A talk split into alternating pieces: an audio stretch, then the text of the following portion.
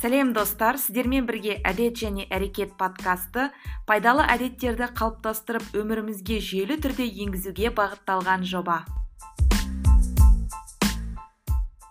Армысыздар құрметті тыңдарман. Әдет және әрекет подкастына қош келдіңіздер. Бүгін бізде ерекше формат. Мен өзімнің қолайлы зонамнан шығып бүгінгі подкасттың 11 бірінші эпизодын сұхбат түрінде жазып жатырмын. Және бүгінгі біздің подкасттың алғашқы қонағы алдыңғы тоғызыншы эпизодта сіздермен бірге таныстырып кеткен нұрлан иманғалиев. Деген ағамыз. Нұрлан аға біздің подкастымызға қош келдіңіз. Өзіңізді қысқаша таныстырып кетсеңіз. Саламатсыздар ма кеш жарық қайырлы таң кім қашан тыңдаса. Есімім нұрлан өзім мамандық бойынша негізінде ағылшын тілі мұғалімімін одан кейін жалпы білім саласында зерттеуші деп саналамын білмеймін. Ну әйтеуір сондай дипломым бар. Жалпы қазіргі жұмысым мұғалімдермен жұмыс істеу. Қазақстан бойынша қазақстан сыртында болсын. Мұғалімдерді жетілдіру мұғалімдердің біліктілігін арттыру мотивациясын арттыру. Осындай фулл тайм жұмысым осы қазір. Соңғы бір бес он жылдың ішінде. Керемет. Мен сізді тірідей танымасам да негізінен фейсбуктан 2018 жылдан бері сізге достық жіберіп солай сізді қарап тұрамын посттарыңызды сондай еліміздің білім жүйесін дамытуда үлесіңіз өте зор деп санаймын. Сіздің балалық шағыңызға келейік. Негізінен мұғалім болу кішкентай кезіңізден арманыңыз болды ма? Жоқ. Уақыт өте келе. Мектеп кезінде пайда болды ма? Қалай пайда болды? Мм так балалық шағымда ондай бір арманым болған жоқ. Бірақ мен өзімді қатты бақытты деп санаймын. Себебі мектеп кезінде бастауыш мектеп кезінде болсын одан кейін жаңағыдай өзім ктл да оқыдым. Ктл кезінде болсын. Жақсы былай өте керемет мұғалімдермен кездестім оқушы кезімде. Оларды үлгі ретінде алдым өзіме. Кейін он бірінші сыныптың соңына қарай сондай бір мақсат пайда болды. Мұғалім болу деген. Ал оған дейін неше түрлі армандарым бар еді. Журналист болу музыкамен айналысу деген сияқты. Жалпы медиамен айналысу кішкене сондай бір нелеріміз болған. Иә мұғалім болуым да оған кедергі болған жоқ. Мұғалім болғаннан кейін де мұғалім болған кезде де осындай нәрселермен айналыса бердім мектеп кезінде бір сіз қатты сүйіп оқитын сабақтарыңыз болды ма? Көп уақытыңызды арнайтын? Үшінші сыныптан бері ағылшын тілі. Маған қатты ұнап қалды. Өзі осы пәннің өзі тілдің өзі. Ағылшын тілін тереңдетіп оқи бастадым. Үшінші сыныптан бастап кейін жаңағыдай лицейге түскеннен кейін ағылшын тілінен олимпиадаға қатыса бастадым. Жалпы менің профилім ағылшын тілі болған. Бірақ өзімді гуманитарий емес өзімді технарь деп санаймын. Сүйікті пәнім математика еді. Ағылшын тілімен қатар. Ағылшын тілі ол кәдімгідей андай мектеп кезінде бір мамандыққа айналды менде. Сүйікті пән емес кәдімгідей бір профиль менің нұрлан иманғалиев ағылшын тілі болды ал қызығатын пән қызығып оқитын пән ол математика және биология болған. Ал ең былай жек көретін деп айта алмаймын конечно. Бірақ андай жақсы көрмеген пәнім ол қазақстан тарихы болған. Себебі пәннің өзі дұрыс пән деп санаймын бірақ соның жаңағы беру методикасы мұғалімдердің соны бізге жеткізу методикасы маған ұнаған жоқ. Оқушы кезімде сол үшін кішкене немандай жақсы көрмейтінмін осы пәнді қазақстан тарихын жаттап оқыдым деп ойлайсыз ба? Иә иә иә. Сол жаттанды бір бөлім ғана болған. Қазақстан тарихы болсын қазақ әдебиеті болсын бізде. Мысалы қазақ әдебиеті және орыс әдебиеті пәндері негізінде өте пайдалы пәндер деп санаймын өзім. Бірақ біздің кезімізде мұғалімдердің жаңағы қойған талабы тек қана кейбір авторлардың жаңағы туған жылын қайтыс болған жылын жатқа бөлу керек болды. Жазған жазған еңбектерін жаңа атауларын ғана жатқа бөлу. Ал еңбектердің өздерін біз мысалы қатты көп оқыған жоқпыз сол кезде. Менің өзімде де солай болған сияқты. бірыңғай ұлттық тестке дайындалған кезде көбінесе тесттің сұрағы мен жауабын жаттау болатын. Одан кейін университетте кезіңіз айтсаңыз сіз шәкәрім университетінде оқыған екенсіз. Мхм. Мен өзім ақтөбелікпін мектепті ақтөбеде бітіріп одан кейін екі мың үшінші жылы. Одан кейін өзіме бір не қойдым сондай бір челлендж үйден алыс болайын. Одан кейін астана мен алматыға барып келген жоқ ол кезде. Себебін өзім нақты білмеймін. Өзіме бір челлендж пайда болды. Жаңағы челлендж керек болды қажет болды. Сол үшін картаны ашып қарадым. Давай батыстан шығысқа қарай барайын дедім. Шығыста мен өскемен және павлодар қаласында оған дейін болдым олимпиадаға қатыстым сол үшін бардым. Қарадым семейде ғана болған жоқпын. Давай кеттік. Әке шешеме айттым осылай осылай мен семейге барамын оқуға. Ол кезде мамандық таңдап болғаннан кейін ол кезде әлі ент болған жоқ. Сол үшін бірінші мамандыққа түсесің одан кейін сен нені таңдайсың. Кез келген жоғарғы оқу орнын таңдауға болады. Мен жаңағы мұғалімдікке түстім грантымды алдым. Одан кейін картаны аштым да семейді таңдадым. Қызық бір жағдай семейге бара жатқан кезде пойызбен үш күн ол кезде семей жаңағы бірінші ақтөбеден алматыға жету керек болды. Алматыдан кейін бір пересадка кейін семейге. Семейге бара жатқан кезде әлі қандай университетке бара жатқанымды білмеймін. Ол кезде не интернет бар не әйтеуір бір не бар да менде бір уверенность. Ертең семейге барамын менің менің мамандығым болады тоже бір пединститут бір университет болу керек деп. Сөйтіп бара жатқан кезде пойыздың ішіндегілер сұрайды. Қайда бара жатсың студентсің ба? Иә оқуға бара жатырмын анау мынау. Қандай мамандық осындай осындай мұғалім ағылшын тілі мұғалімі қандай университетке бара жатсың деді. Сөйтіп білмеймін. Ұяламын да айтуға что білмеймін қайда бара жатқанымды. Сосын ойландым наверное ну семей болғаннан кейін скорее всего дедім абай университеті бар шығар семейде деп сөйтіп айттым осылай осылай мен абай университетіне бара жатырмын. Бәрі күлді сосын пойыздың ішіндегілер бізде ондай университет жоқ бізде шәкәріміне бар. И жаңағы документ тапсырып соңғы күнде мен келдім семейге. себе, келгеннен кейін пойыздан түсіп ыыы кішкене демалып одан кейін тікелей университетке барып документ тапсырдым. И төрт жыл семейде оқыдым. Керемет жер керемет. Семейліктер қазір тыңдап жатса семейліктерге андай отдельный ерекше бір сәлем. Рахмет. Менің туған жерім семей. Иә жақсы пікір естігеніме қуанып жатырмын. Сізден сұрағым келгені адамның негізінен қалыптасуына оның өмірлік жолына ортасы қатты әсер етеді. Сіз міне ктл да оқыған екенсіз одан кейін семейде оқығансыз. Мен өзім кбту да оқығанмын және мен ортама өте ризамын. Жақсы адамдардың арасына түскеніме ортаның маңызы жайлы айтып бересіз бе? Жаңа айттым ғой мен өзімді өте андай бақытты деп санаймын. Себебі ортам алтыншы сыныптан кейін ктлға түстім. Ктлды білесіз өзіңіз. Ішіндегі орта қандай екенін. Маған қатты әсер етті. Менің достарым мұғалімдерім тәрбиешілерім. Одан кейін семейге барған кезде ол жерде де мысалы группаластарым жылы қарсы алды. Маған семейдің адамдары қатты ұнады. Кім не десе де семейліктер туралы. Бірақ маған адамдар қатты ұнады. Өте жылы қарсы алды. Әлі күнге дейін хабарласамыз әлі күнге дейін араласамыз. Және дамуыма да бір не берді. Білмеймін жалпы халық сондай ма бірақ менің группаластарым арасында былай кішкене дамуға бағытталған өзін дамытуға бағытталған адамдар көп еді. Сол үшін олар әрине маған әсер етті. Дамуыма. Өзімді даму болмаса да жалпы мотивация дамуға иә ол үшін иә дұрыс айтасыз. Жаңағыдай орта қандай болса адам соған қарай кішкене еліктейді. Оған да мен де сенемін. Сол үшін өзіңізді былай жақсы бір ортаға тырысыңыздар әрқашан иә.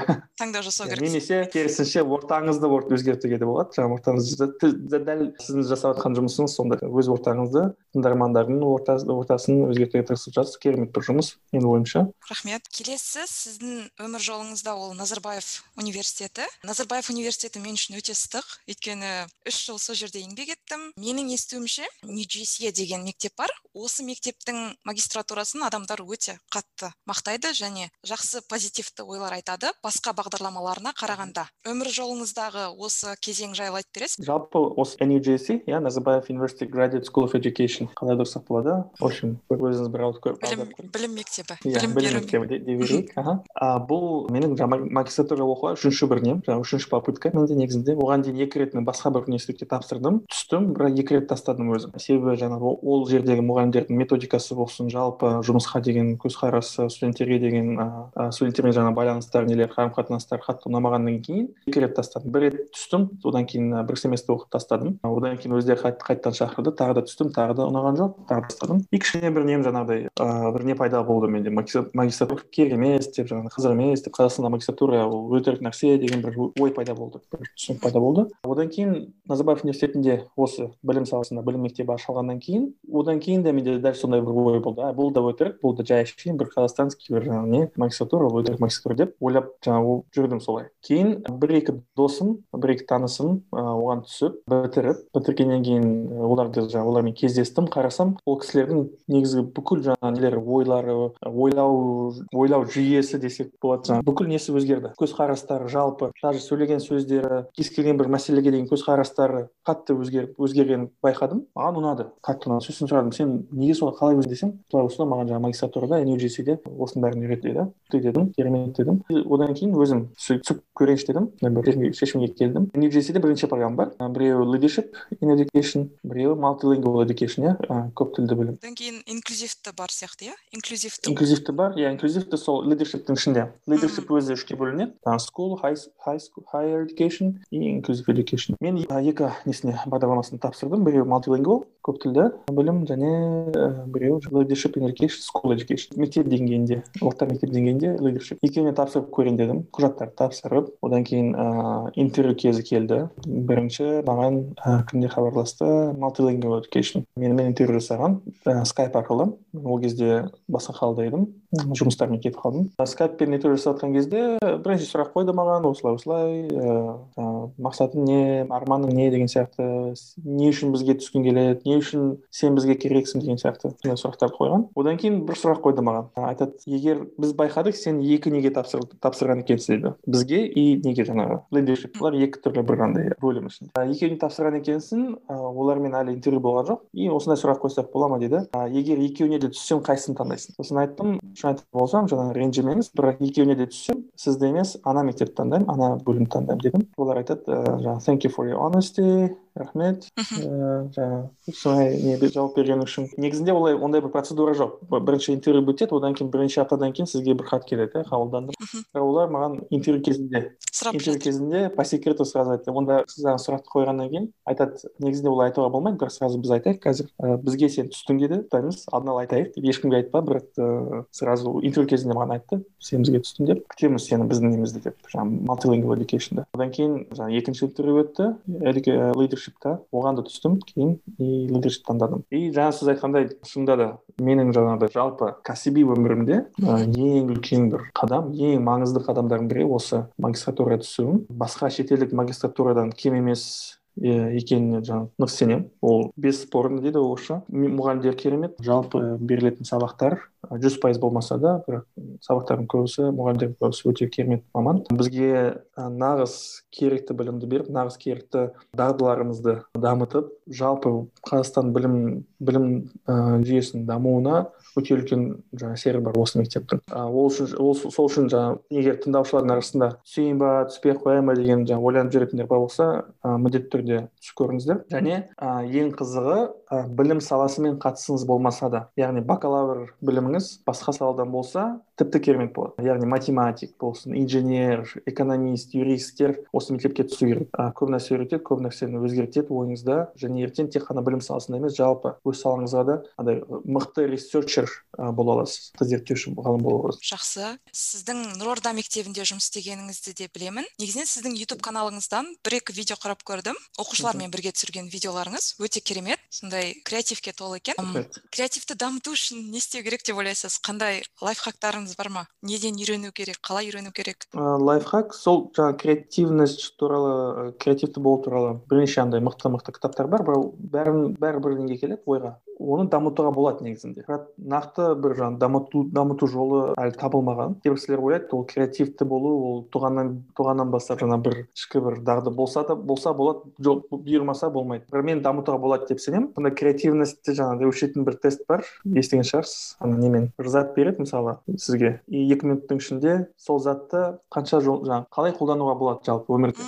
Жазуыңыз керек. Кішкентай балаға береді бір андай не, не бар емес скрепка. Соны береді и айтады давайте. Қанша жолмен оны қалай пайдалануға болады жалпы қалай қолдануға болады? Қараса кішкентай балалар әлі мектепке бармаған балалар екі жүзден астам жолын көрсетеді. Былай қолдану былай қолдану себебі олардың ойында бір не жоқ шектеу жоқ. Ал өскен сайын балалар мектепке барғаннан кейін қараса ол жаңағы креативность кішкене төмендей бастайды екен. Сол үшін ыыы білмеймін мен бір лайфхакым ол андай не не то что өспеу иә? Қартаймау иә? Бір именно ми жағынан бір зейін жағынан. Бір балалықты сақтап қалу иә? балалық сақтау иә иә дұрыс дұрыс. иә балалық сақтап қалу керек. Мен мен үшін маған көмектескен ол менің оқушыларым болған. Балалық сақтауға әрқашан олармен бірге жүріп бірге ойнап шынында да олардың несі өте жоғары жаңағы креативность жағы иә оларда әлі байқалады. пессимизм жоқ жоқ бұл өмір жизнь боль деген сөз бар сондай бір не жоқ оларда. Неше түрлі идеямен келеді. Сіздің жаңа ютубтан көрген видеоларыңыздың видеоларының ыыы үлкен бөлігі солардың идеялары негізі балалардың идеялары. А давайте былай аға давайте былай істейік давайте былай істейік. Әлі көп видео ютубта жоқ бізде өзімізде қалған. Одан кейін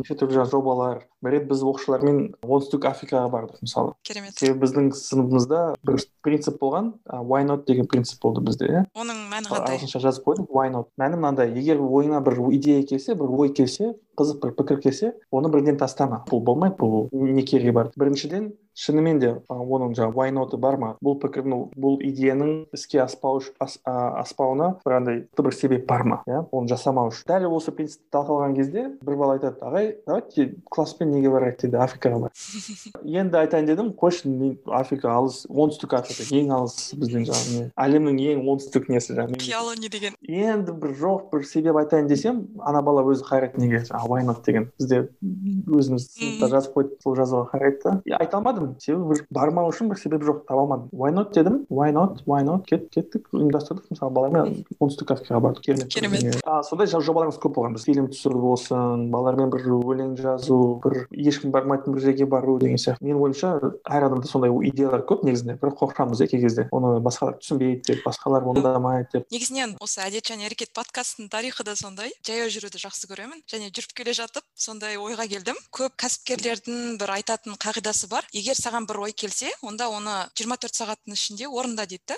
енді максимум нәрсені жаса ол зат жүзеге асу үшін. Негізінен бұл өте керемет деп ойлаймын. Why not техникасы. Өйткені балалардың ең алдымен естелік қымбат дейді ғой мысалы кез келген адамға. Ә, сіз сондай жағымды естеліктердің болуына себепші болған екенсіз. Мен сіздің инстаграмыңызды қарадым. Маған суретке түсіру техникаңыз ұнады. Суретке түсіруді өзіңіз үйрендіңіз ба әлде қалай? Суретке түсіру жалпы осы хобби анамнан келді маған. Өз мамам мен екінші ма үшінші сыныпта болған кезде маған жаңағы фотоаппарат алып берді. Ол кезде коника кішкентай фотоаппарат мамам суретке түсіруді жақсы көретін әлі күнге дейін жақсы көреді қазір уже телефонға түсіреді әрине мамам мысалы өз өз күнде шығады далаға бір шағын бір видеолар түсіреді андай видеоблог сияқты бір нәрселер түсіреді суретке түсіреді бірақ оны ешкімге көрсетпейді өзіне сақтап кезде жібереді бірақ өзі үшін ғана жасайды бұны бір хобби бар.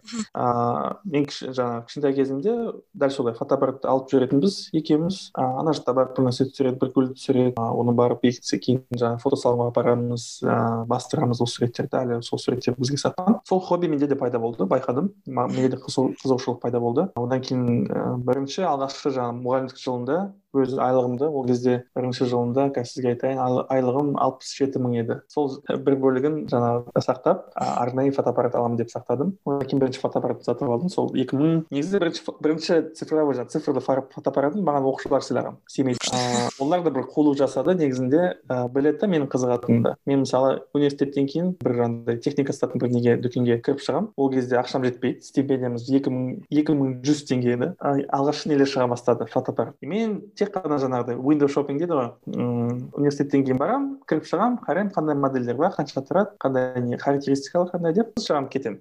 Просто бір арманым бар да болды. А бір күні оқушылар маған келді бір оқушым келді.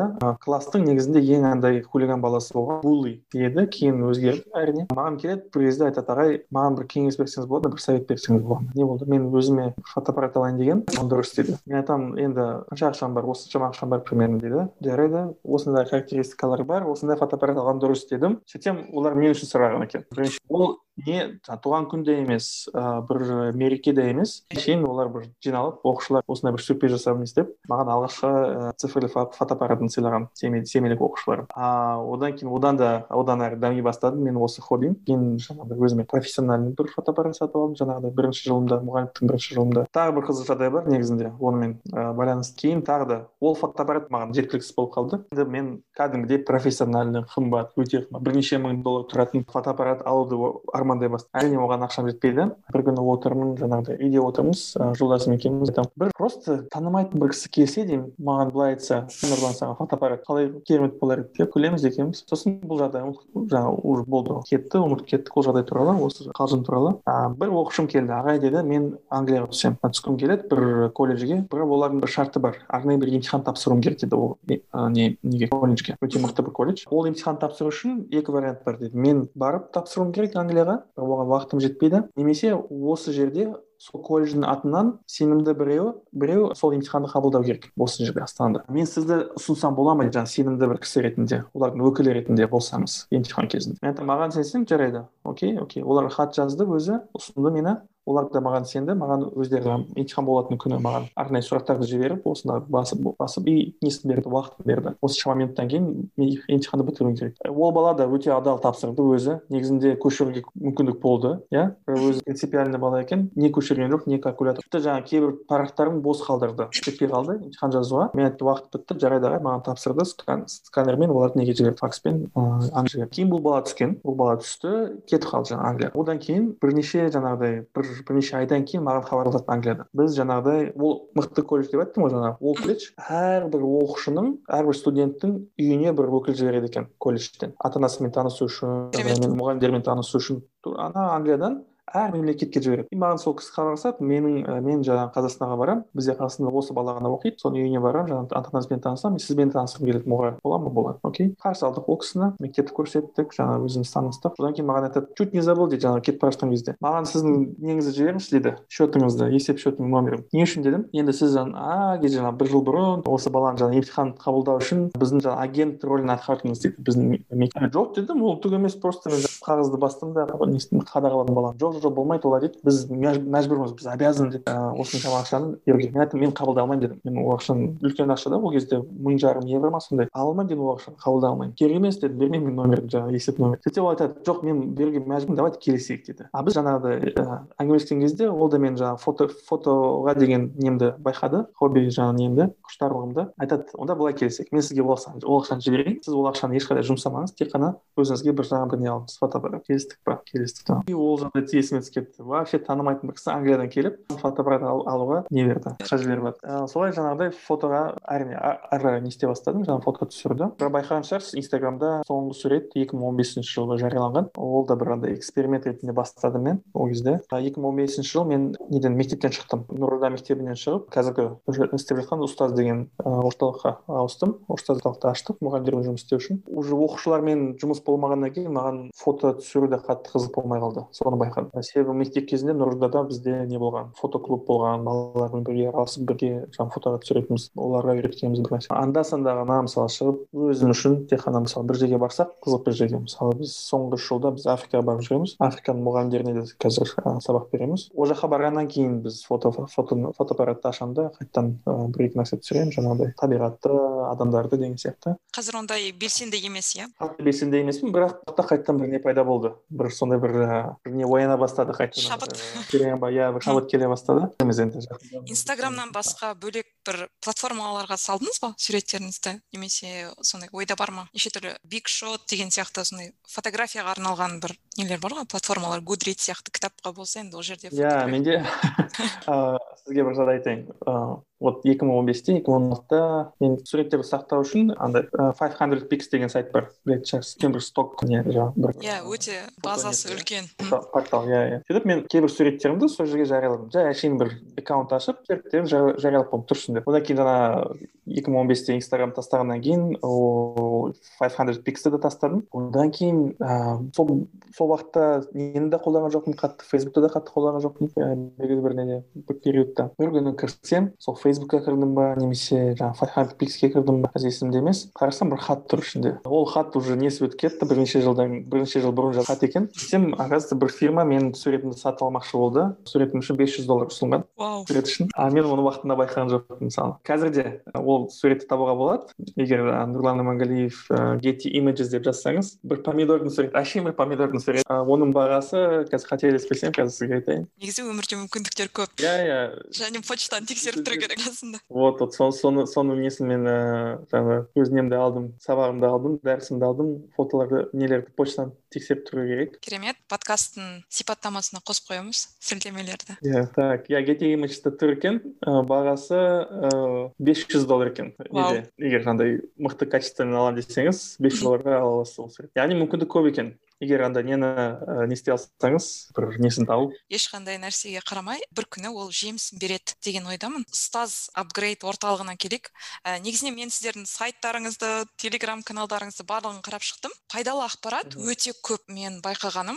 Және қолжетімді түрде бірнеше кітаптарды қазақшаға аударған екенсіздер. Өте керемет жұмыс. Осы жайлы айтып кетсеңіз және сіздің орталықта бір керемет атмосфера бар сияқты. Өйткені бір кітаптарды көріп қалдым. Негізгі мақсат мақсаттарыңыз қандай? Неше түрлі курстар бар екен? Өте қолжетімді бағада. Иә біз екі мың он бесте ашылдық. Біздің орталығымыз ашылған кезде бір бір ғана мақсатымыз бар. Ол мұғалімдерді жалпы мұғалімдердің сапасын көтеру біздің қазақстанда. Бір ақ мақсатымыз. Бізде қазақстанда мықты мұғалім болу тек қана ктл ништа емес тек қана жаңағы физматта емес тек қана назарбаев университетінде емес жалпы қазақстанда керемет. Сондай бір арманымызбен осы орталықты аштық. Өте қиын жұмыс негізінде мұғалімдердің жұмыс істеу. Ең қиыны олардың несін өзгерту жалпы ой ойлау жүйесін иә ең қиын сол. Ал бір майндсет өзгерсе одан кейін оп оңай мысалы. Одан кейін кез келген нәрсені үйрете аласыз өздері үйренуге ашық болады. Одан кейін тағы бір жұмысымыз жаңағы ну курстар семинарлар конференциялар ұйымдастырамыз мұғалімдер үшін. Жаңа да айтып кеттім тек қана қазақстанда емес шетелге де шыға бастадық. Жақын көршілерімізбен араласамыз. Украина болсын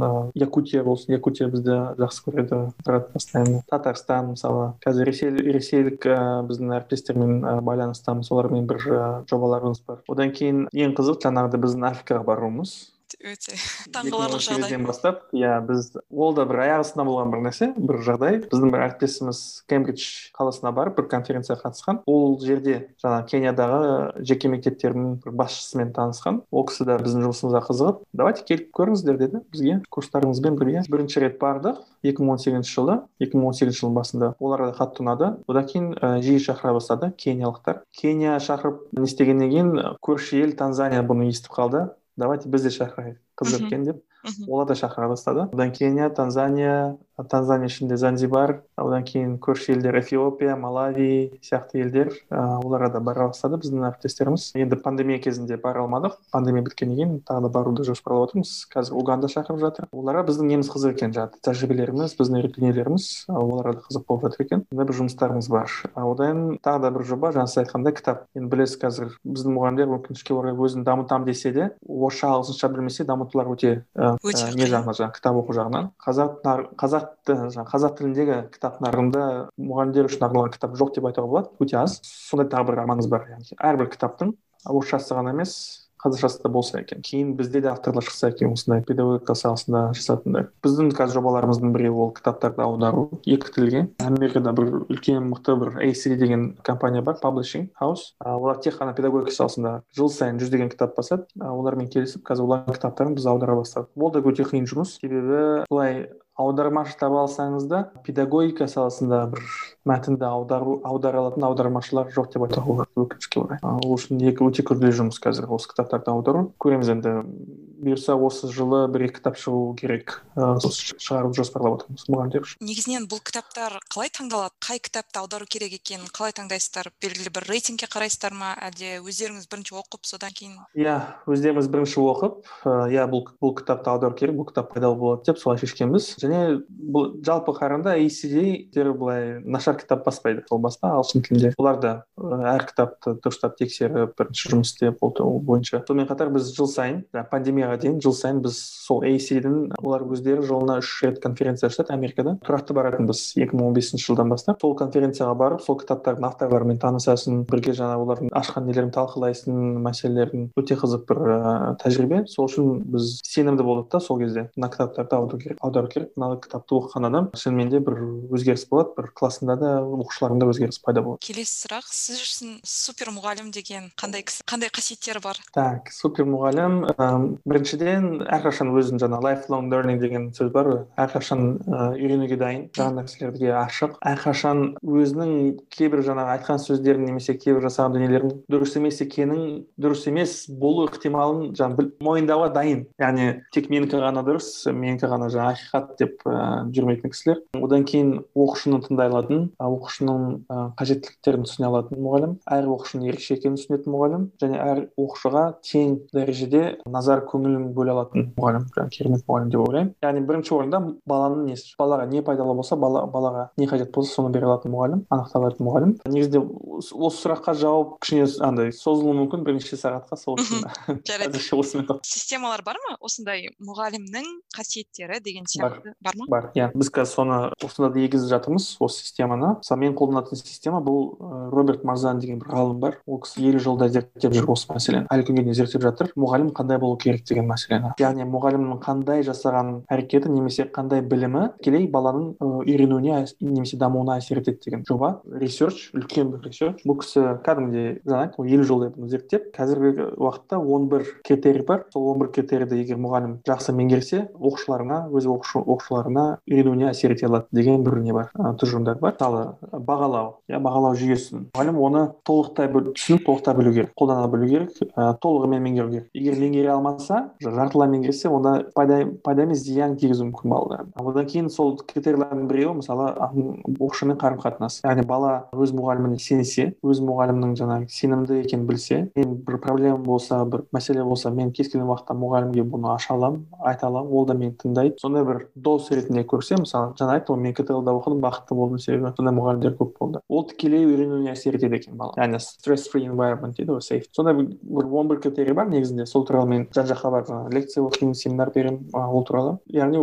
бар ондай нелер бар жүйелер бар. Өкінішке орай жаңа айттым ғой майндсет проблемасы болғаннан кейін бізде оны түсіндіре жеткізу де қиын болады кей кезде мұғалімдерге қазіргі біздің білім қазіргі біздің жүйемізде бұл нәрсе талап етілмейді талап етілетін тек қана жаңағыдай директордың сөзін тыңдасаң болды уақытында жұмысқа келіп уақытында кетсең болды өте андай не базовый нәрселер ғана талап етіледі көбінесе. Ол үшін мұғалімге де не қатты не жоқ. Ішкі мотивация болмауы мүмкін өзін дамытуға. Осы салада өзін бір нәрсе үйренуге көп ұйымдастырушылық жағдайларға уақыт бөлініп кететін сияқты. Менің анам мұғалім негізінен yeah, бастауыш сыныпқа береді. Менің түсінгенім оларды көбінесе қағазбастылық отчет өткізу сондай жұмыстар. Және жаңа күнделікті толтыру одан кейін кәдімгі журнал толтыру деген сияқты. Жоспар өткізу сондай. Сізден сұрағым келгені ұстаз бен мұғалімнің айырмашылығы бар ма? Әлде екеуі бір адам ба? Бізде сол керемет сұрақ дәл осыны айтайын дегенмін бізде бұл туралы бір әріптесімнің бір жарым сағаттық бір семинары бар. Тура осы тақырыпқа байланысты ұстаз және мұғалім және оның айырмашылықтары назарбаев университетінде оқып жүрген кезде дәл осыны мен шетелдік әдебиетте де таптым. Оларда былай айтады екен екі түрлі мұғалім мұғалім болады дейді бір teacher employee and teacher professional. Яғни біздің тілге аударатын болсақ просто жай ғана жаңағыдай қызметкер. Бір орынды толтыратын бір вакансияны толтырып отыратын. Бүгін бар ертең жоқ болса басқа бір орында табамыз деген сияқты. Бұл кісілер тек қана қызметкер. Бір вакансияны толтырып отырады кісілер. Ал екінші тип жаңағы екінші түр мұғалім түрі ол кәсіби профессионал мұғалім яғни біздің тілімізде ұстаз мұғалім деп айтсақ болады мастер мұғалім иә. Ол кісі жаңа сіз айтқандай уже неге не, көбінесе өз өзін не істейді жаңағы дамытуға креативті болады жаңа идеялармен жүреді жаңа жобалар іске асырады. Сондай бір мұғалім яғни бір орында отырмайтын мұғалім. Оны ұстаз деп айтсақ болады біздің тіліміз тілімізбен. Нағыз ұстаз дегеніміз осы. Мұғалім ол әшейін бір оқытушы бір бір материалды бір білімді алады да балаға соны жеткізеді. Осы осында мұғалімнің орнын қазір мысалы ютубта толтыруы мүмкін бір курсера хан академияда толтыруы мүмкін деп ал нағыз ұстазды толтыра алмайды орнын толтыра алмайды. Керемет жауап бердіңіз. Келесі сұрақ. Оқуға құлшынысы жоқ баланы қалай қызықтыруға? Мысалға мен магистратура оқып жүрген кезде хобби ретінде демалыс күндері тоғыз он үш жасар балаларға программирование бағдарламалаудан сабақ беретінмін. Және көп балаларда бір қызығушылық болмайтын. Енді әке шешелері алып келген ақшасын төлеген бірақ қызығушылық болмайды да қиын да. Сондай жағдайда қандай бір методикаларыңыз бар ма? Жаңа роберт мырзаның он бір критерий дедік қой соның біреуі engagement strategies дейді. Мұғалім нағыз мұғалім баланы жаңағы қызықтыра білу керек. Оның нелері бар? Техникалар бар уже зерттелінген бір методикалар бар бұл оңай бір не емес оңай бір процесс емес негізінде. Жаңа сіз айтқандай егер сондай дәрежеге жетсе то әке шешесі алып келеді тастайды ақшасын төлейді да болды. Әрине ол не емес жаңағы ішкі мотивация болмаса балада ешқандай бір несі пайдасы болмайды. Қанша тырыссаңыз да мысалы қанша қаншалықты ақылды болса да бала өзі. Ақылды болуы мүмкін өте былай не болуы мүмкін бірақ ішкі мотивация жоқ болса сырттан сіз істей алмайсыз. Қысқа мерзімде істей аласыз? Мысалы жақында ғана бір жерде оқыдым бұның бір проблемасы қазіргі ата аналар байқасаңыз көп нәрседе баласын шектейді. Жақсы ниетпен бір жасаған иә жаман ниетпен жасамайды әрине бірақ көп нәрседе баласын шектейді. Далаға қатты шығармайды көбінесе жаңағыдай. Барғысы келген жерге жібермейді. Көргісі келетін нәрсені жаңағы көрсетпейді деген сияқты. Балада уже несі дамымайды? Өзі қалаған нәрсені таңдау немесе не таңдаған не қалағанын білу деген. Қазір байқасаңыз мысалы тинейджерлер не сұрасаң кім оған келіп білмеймін не знаю не хочу деп жаңағы. Кто хочешь чем хочешь заниматься десеңіз болды ол білмеймін ондай бір желание жоқ дейді. Апатия пайда болды өкінішке орай. Сол үшін менің ойымша ата аналар балаға кішкене не беру керек. Сәл бір бостандық беріп қатты конечно бостық қалдырмай бірақ бала ішкі не пайда болу керек. Мен мынаны жасағым келеді. Ол кезде егер ата анасы десе жоқ сенің қолыңнан келмейді бұны жаса алмайсың десе бірден несі түсіп қалады ол мотивация. Лучше жасап көрсін өзі. Еркіндік беру керек деп ойлайсыз иә мен музыка иә осындай нәрселер әсіресе бала кезінде себебі бала кезінде оның ыыы жаңағы қате жасауға еркіндігі бар. Қателесіп бұл жоқ бұл менікі емес екен бұл дұрыс таңдаған жоқпын дейді болды жарайды басқа нәрсені таңдайды менің ойымша жаңағы сол осы жақтан кішкене ата аналар кішкене сәл не болу керек бостан өздерің қалаған жерге апару емес жоқ сен сен плаваниеге барасың сен биге барасың емес өзінен келу керек деп ойлаймын ішінен жаңағыдай. Бұл туралы екі керемет кітап бар. Драйв деген кітап бар. Дэниел пин және наказание награды деген альфикон деген кітабы. Әр адамға мен осы екі кітапты оқуға кеңес беремін. Драйв кітабын оқыдым. Өте yeah. Керемет. Жақсы. Жауабыңызға рахмет. Біздің көбінесе мен өзім ауыл мектебінде оқыдым. Қарапайым мектепте негізінен мұғалімдер орташа оқитын балаларға көбірек көңіл бөледі. Мысалы сен белсенді болсаң көбінесе сені ысырып қояды. Сол кезде маған кейбір сабақтар қызықсыз болады. Өйткені мұғалім сенен сұрамайды. Мысалы жай орташа оқитын балалардан yeah. Бұл қаншалықты дұрыс деп ойлайсыз? Әлде басқаша жол бар ма? бұл тек қана бізде емес тек қана сіздің ауылыңызда емес ол жалпы әлемде бір проблема. Бұл туралы қазір авторы тодроус иә тодроус тодроус деген кісінің the end of everything кітабы бар. Орысшасы долой средний деп аталады долой средний бұл кісі дәл осы мәселені зерттеген көп елде білім саласы білім беру жүйесі орташа балаға арналған орташа балаға қарап жасалынған бұл өте қауіпті нәрсе негізінде себебі сіз айтқандай егер сіз орташа деңгейден сәл жоғары болсаңыз сізге қызық емес болып қалады сабақ және орташа деңгейден сәл төмен болсаңыз сізге қиын болып қалады тек қана жаңағы білім саласында емес жалпы ол басқа неде мысалы киім индустриясы болсын. Ол жақта да байқасаңыз орташа бойы орташа болған кісілерге жаңағы аяқ размері жаңағы орташа кісілерге арналған көп киім бар. Сәл ассаңыз немесе сәл не істесеңіз жаңағы сол орташа деңгейден сәл төмен болсаңыз уже сізге киім алу қиын болады. Бұның бір шешімі негізінде педагогикаға қайта оралатын болсақ бұл дифференциация деп аталады. Яғни әр балаға немесе бірнеше түрлі деңгейдегі балаларға арнайы не бере білу жаңағы білім бере білу челлендж қоя білу лев выгодский деген кісінің жаңағы зона ближайшего развития деген бір теориясы бар. Кейін ол теория потока деген михай чиксентмихай естіген шығарсыз өте танымал иә зона ближайшего развития. Жақын аралық даму аймағы деген бір не бар теория бар яғни әр баланың әрбір адамның өз даму несі бар яғни ортада бір нүкте ол сол кісі қазіргі білетін несі қазіргі жасай алатын нәрселер ортада тағы бір шеңбер бар. Ол қазір жасай алмайды бірақ соны меңгере алады үйрене алады деген шеңбер. Оның сыртында тағы бір шеңбер бар. Ол кішкене сәл қиын. Иә жету қиын. Әсер ете алмайтын заттар иә? Иә жаңағы дифференциация дегенім мұғалім осы жаңағы егер сыныпта орташа деңгейден жоғары балалар болса оларға арнайы тапсырма беріп білу керек арнайы челлендж жасай білу мысалы біздің байқағанымыз ең қауіпті категория мектептерде ол отличник болу жаңағыдай бестік бала болсаңыз сізге үй тапсырмасын да бермеуі мүмкін мұғалімдер ей сен жарайды сен білесің ғой деп жаңағыдай жасамай қой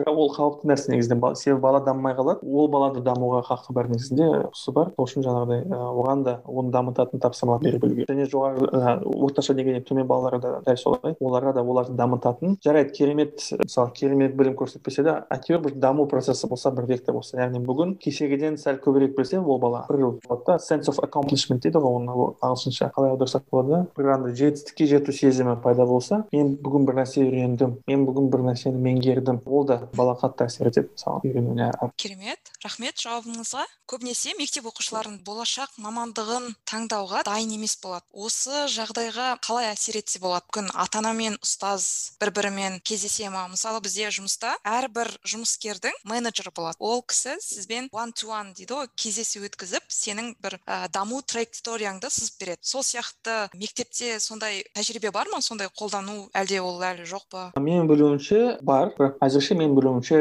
жекеменшік мектептерде одан кейін ниш сияқты мектептерде физмат сияқты мектептерде бұл, бұл жүйе бар. Арнайы бір маман бар профориентатор маман. Бұл кісі бітіруші түлектермен одан кейін олардың ата аналармен алдын ала жұмыс істейді. Тоғызыншы сыныптан бастап істейді жаңа сіз айтқандай даму траекториясын сызып егер мысалы осындай мамандық таңдайтын болсақ қандай университетке барған дұрыс оған қалай түсу керек оған түсу үшін қандай емтихан тапсыру керек сол емтиханға қалай дайындалу керек деген сияқты. Соның бүкіл несін сызып береді. Ондай адамдар бар. Бірақ білуімше әзірше осындай жекеменшік немесе арнайы лицейлерде ғана бар. Ал дұрыс жаңа сіз айтқандай егер әр мектепте ондай бір арнайы маман болса бұл сол кісінің фул тайм жұмысы болу керек бір сондай шартта. Яғни физика мұғалімі по совместительству қосымша жұмысы профориентация олай болмау керек. Фул тайм бөлек адам болу керек жиырма төрт сағат. Иә бөлек адам. Тек қана сонымен ғана ғана айналысады. Біз бұны мысалы неде көрдік?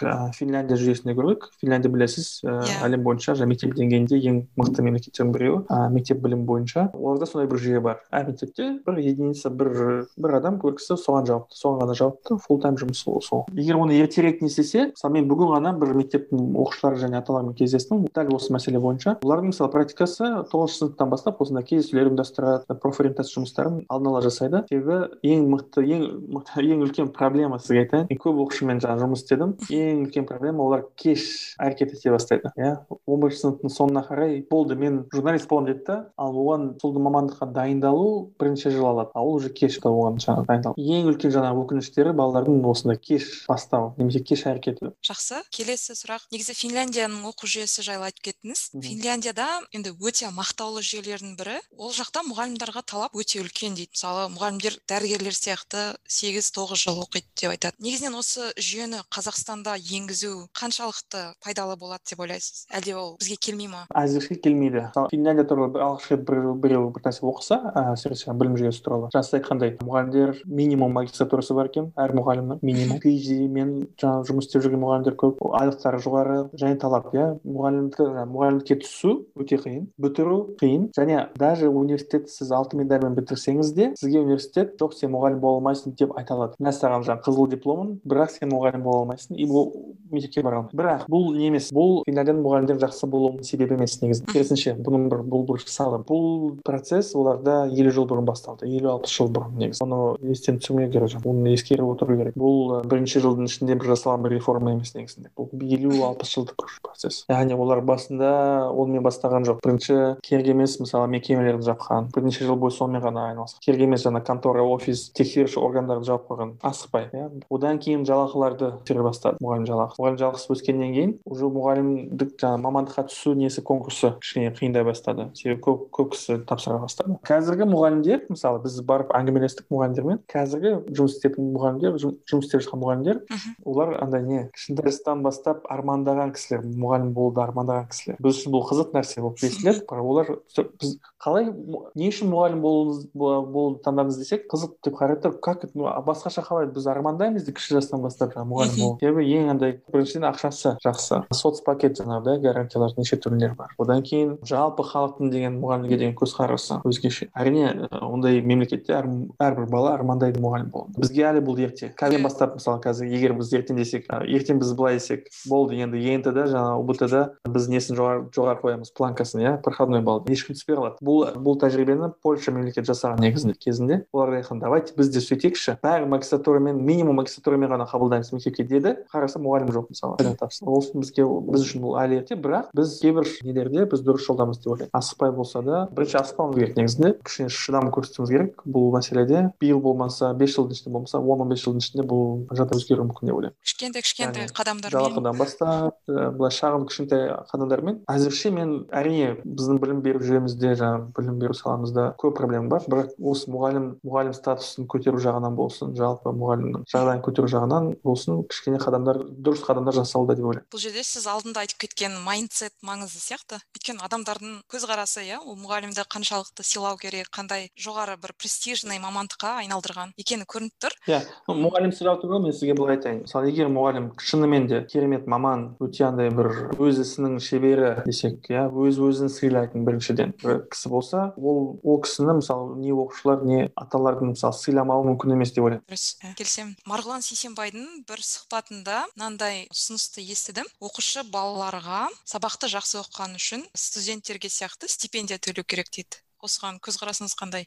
Ол кісі үйінде балаларына мысалы үй шаруасы болады ғой сондай жұмысқа да ақша төлеп сондай мотивация береді екен да? Осы жағдай қалай қарайсыз дұрыс па? Бұның екі несі бар. Бұл туралы ең керемет кім зерттеді? Лоренс колберт деген бір психолог ғалым зерттеген бұл мәселені. Мен де өзім келісемін ол кісімен негізінде белгілі бір жетістік үшін немесе белгілі бір жасаған бір қосымша жұмыс үшін немесе өзгеше бір ерекше бір жаңағы жетістіктер үшін сый берген дұрыс балаға иә? Мысалы алтын медальмен бітірді бір телефон алып бересің немесе белгілі бір олимпиада ұтты де ол үшін де бір нәрсе бересің. Яғни жетістікке жеткеннен кейін бір нәрсе беру дұрыс. Себебі ондай бір әрекетпен сіз нені қандай бір месседж бересіз? Мен сенің жаңағы жетістігіңді байқадым молодец керемет бұны мен жаңағы не appreciate дейді ғой ағылшынша. Бұны мен бағалаймын. Recognition деген сол келетін сияқты иә иә дұрыс дұрыс дұрыс вот. Ал керісінше болса балам давай сен егер беске бітірсең мен саған мынаны алып беремін деп айту ол уже не болады. Кішкене андай взятка болады. Бұны дэниел пинктің кітабында да білесіз. Ол ол мәселе жаңағы бар. Жаңа бұл туралы жаңа екінші кітапта айттым ғой наказание награда деген тек қана осы осы мәселе туралы. Және білмеймін байқадыңыз ба фейсбукта да мен осы туралы жаздым. Осы марғұлан мырза осыны айтқаннан кейін тура сол күні мен андай бір андай критика жасап бір пост жасадым. Иә яғни ниеті жақсы болуы мүмкін ата ананың иә ол кезде. Бірақ кейбір мәселелер жаңағы әсіресе behavioral psychology дейді ғой жаңағы поведенческий психология мәселелерін білмегеннен кейін кейбір мәселелер жақсы ниетпен жасап та зиян келтіруі мүмкін кейін. Сол үшін әр ата анаға әр ата ана ғана емес жалпы әр кісіге осы наказание награда деген кітапты ұсынғым келеді түрде оқу міндетті түрде подкасттың сипаттамасына қосамын. Негізінен алғанда оқушылардың барлығының үлгерімін жақсарту үшін кейбір елдерде менторство деген нәрсе қолданылады. Ментор болу яғни сыныптағы үлгерімі жақсы оқушылар үлгерімі орташа оқушыларға ментор болады. Бұл негізінен саған бір волонтерлық ретінде жұмыс істейсің бірақ бір саған бонустар болып тұрады. Бұл біздің жұмыста да қолданылады. Егер мысалы мен ментор болсам маған бір портфолиома белгілі бір нәрсе ол ескеріліп тұрады. Осы жағдайға қалай қарайсыз? Қазақстанда бұл қолданылу мүмкіндігі қандай? Қолданатын адамдар бар ма? Сіз өзіңіз көрдіңіз ба қолданатын адамдар бар. Иә иә әрине. Біріншіден мен оқушы кезінде бұны көрдім. Жаңағы оқушы кезінде жаңа айттым ғой мен ағылшын тілі олимпиадасына қатыстым. Олимпиада дайындығы кезінде бізге мысалы бізден жоғары сыныптар мен ол кезде жетінші сыныпта болсам сегіз тоғыз оныншы сыныптың балалары бізге көмектеседі ментор ретінде. Бір аға ретінде бір көмектескен мысалы. Кейін біз өскеннен кейін біз де көмектесетінбіз кіші бауырларымызға. Бұл жүйе мысалы мен оқыған мектебімде қатты дамыған бір жүйе ретінде дамыған қалыптасқан. Бұның пайдасы өте үлкен деп ойлаймын. Кейін мысалы мен өз оқушылармен де бұны істеп көрдім. Кішігірім бір проект ретінде мысалы байқадым бірнеше бала кейбір тақырыптарды түсінбеді немесе үлгермеді жаңағы несі оқуға. Бір кейбір балалар озды иә олар да жаңағы нелерді ол тақырыптарды түсініп жақсы меңгеріп. Айтамын да давайте кім мысалы мына балаға түсіндіре алса егер бұл бала бұл тақырыпты меңгерсе сіздің көмегіңізбен. Онда оның алған бағасын сізге қосамын. Егер там төрт пен бес мысалы оны сізге қосымша балл ретінде беремін. Why not иә балалар? Сондай бір жүйе қолданатынбыз то есть жоғалтатын ешнәрсе жоқ мысалы тек қана ұтатын нәрсе бар ол кезде. Яғни менторлық жүйесі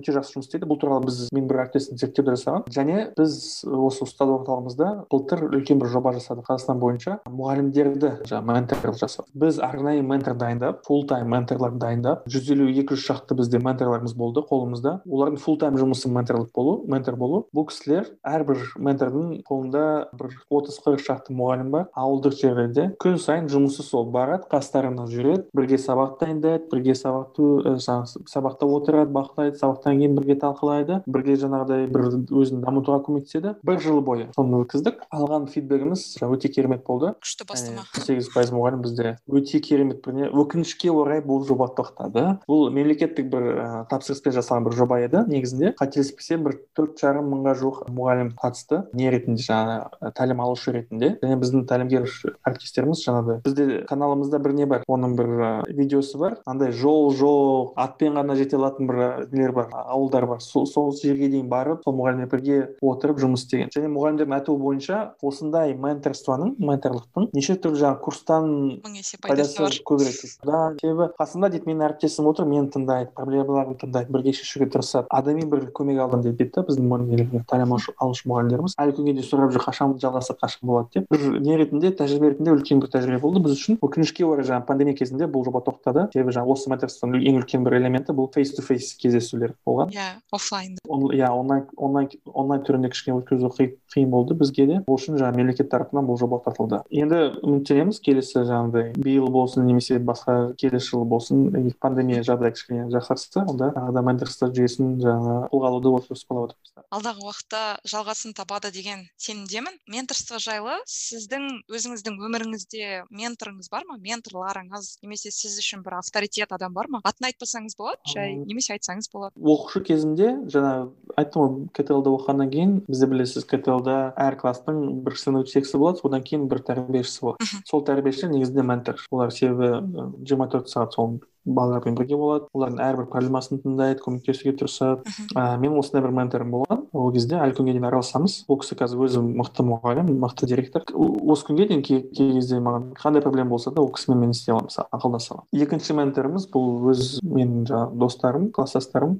Бізде де қатты үлкен бір не бауырластық бір пайда болды. Қазір қандай мәселе болса да қандай бір проблема болса да немесе қандай бір кеңес бір көмек керек болса да бір бірімізге жаңағы көмектесуге дайынбыз. Және менде де қазір мысалы өзімде бұрынғы оқушыларым болсын немесе басқа әріптестер сіз оларға менторсыз иә? Иә иә иә. Сондай бір жүйеміз бар. Мен менторларым бар жаңағы айтқанда менти иә. Негізінде жалпы адамдар бір біріне жаңағы ментор болу керек деп ойлаймын. Бір біріне көмектесіп бір біріне жаңағы бір бірін алға тартып деген сияқты. Толықтай келісемін ол кезде тезірек дамимыз деп ойлаймын. Иә бірден әсер етіп бір бірімізге сондай қолдау жүрсек керемет. Сіздің қандай жеке қасиеттеріңіз ұстаздыққа әсер етті деп ойлайсыз? Мхм. Ең біріншіден жаңағы өзіңіз білесіз кітап оқу. Кітап оқуға деген құштарлығым. Кез келген бір мәселе туса кез келген бір проблема болса мен шешімін жаңағы кітапта іздейтінмін. Да міндетті түрде мектептерде бұл мәселені біреулер зерттеп болды біреулер бұны бұл туралы бір нәрсе жазған болу керек деп оны оқитынмын. Одан кейін мен балалардың оқитын кітаптарын өзімде қатты көп оқитынмын. Жаңағы голодные игры болсын гарри поттер болсын.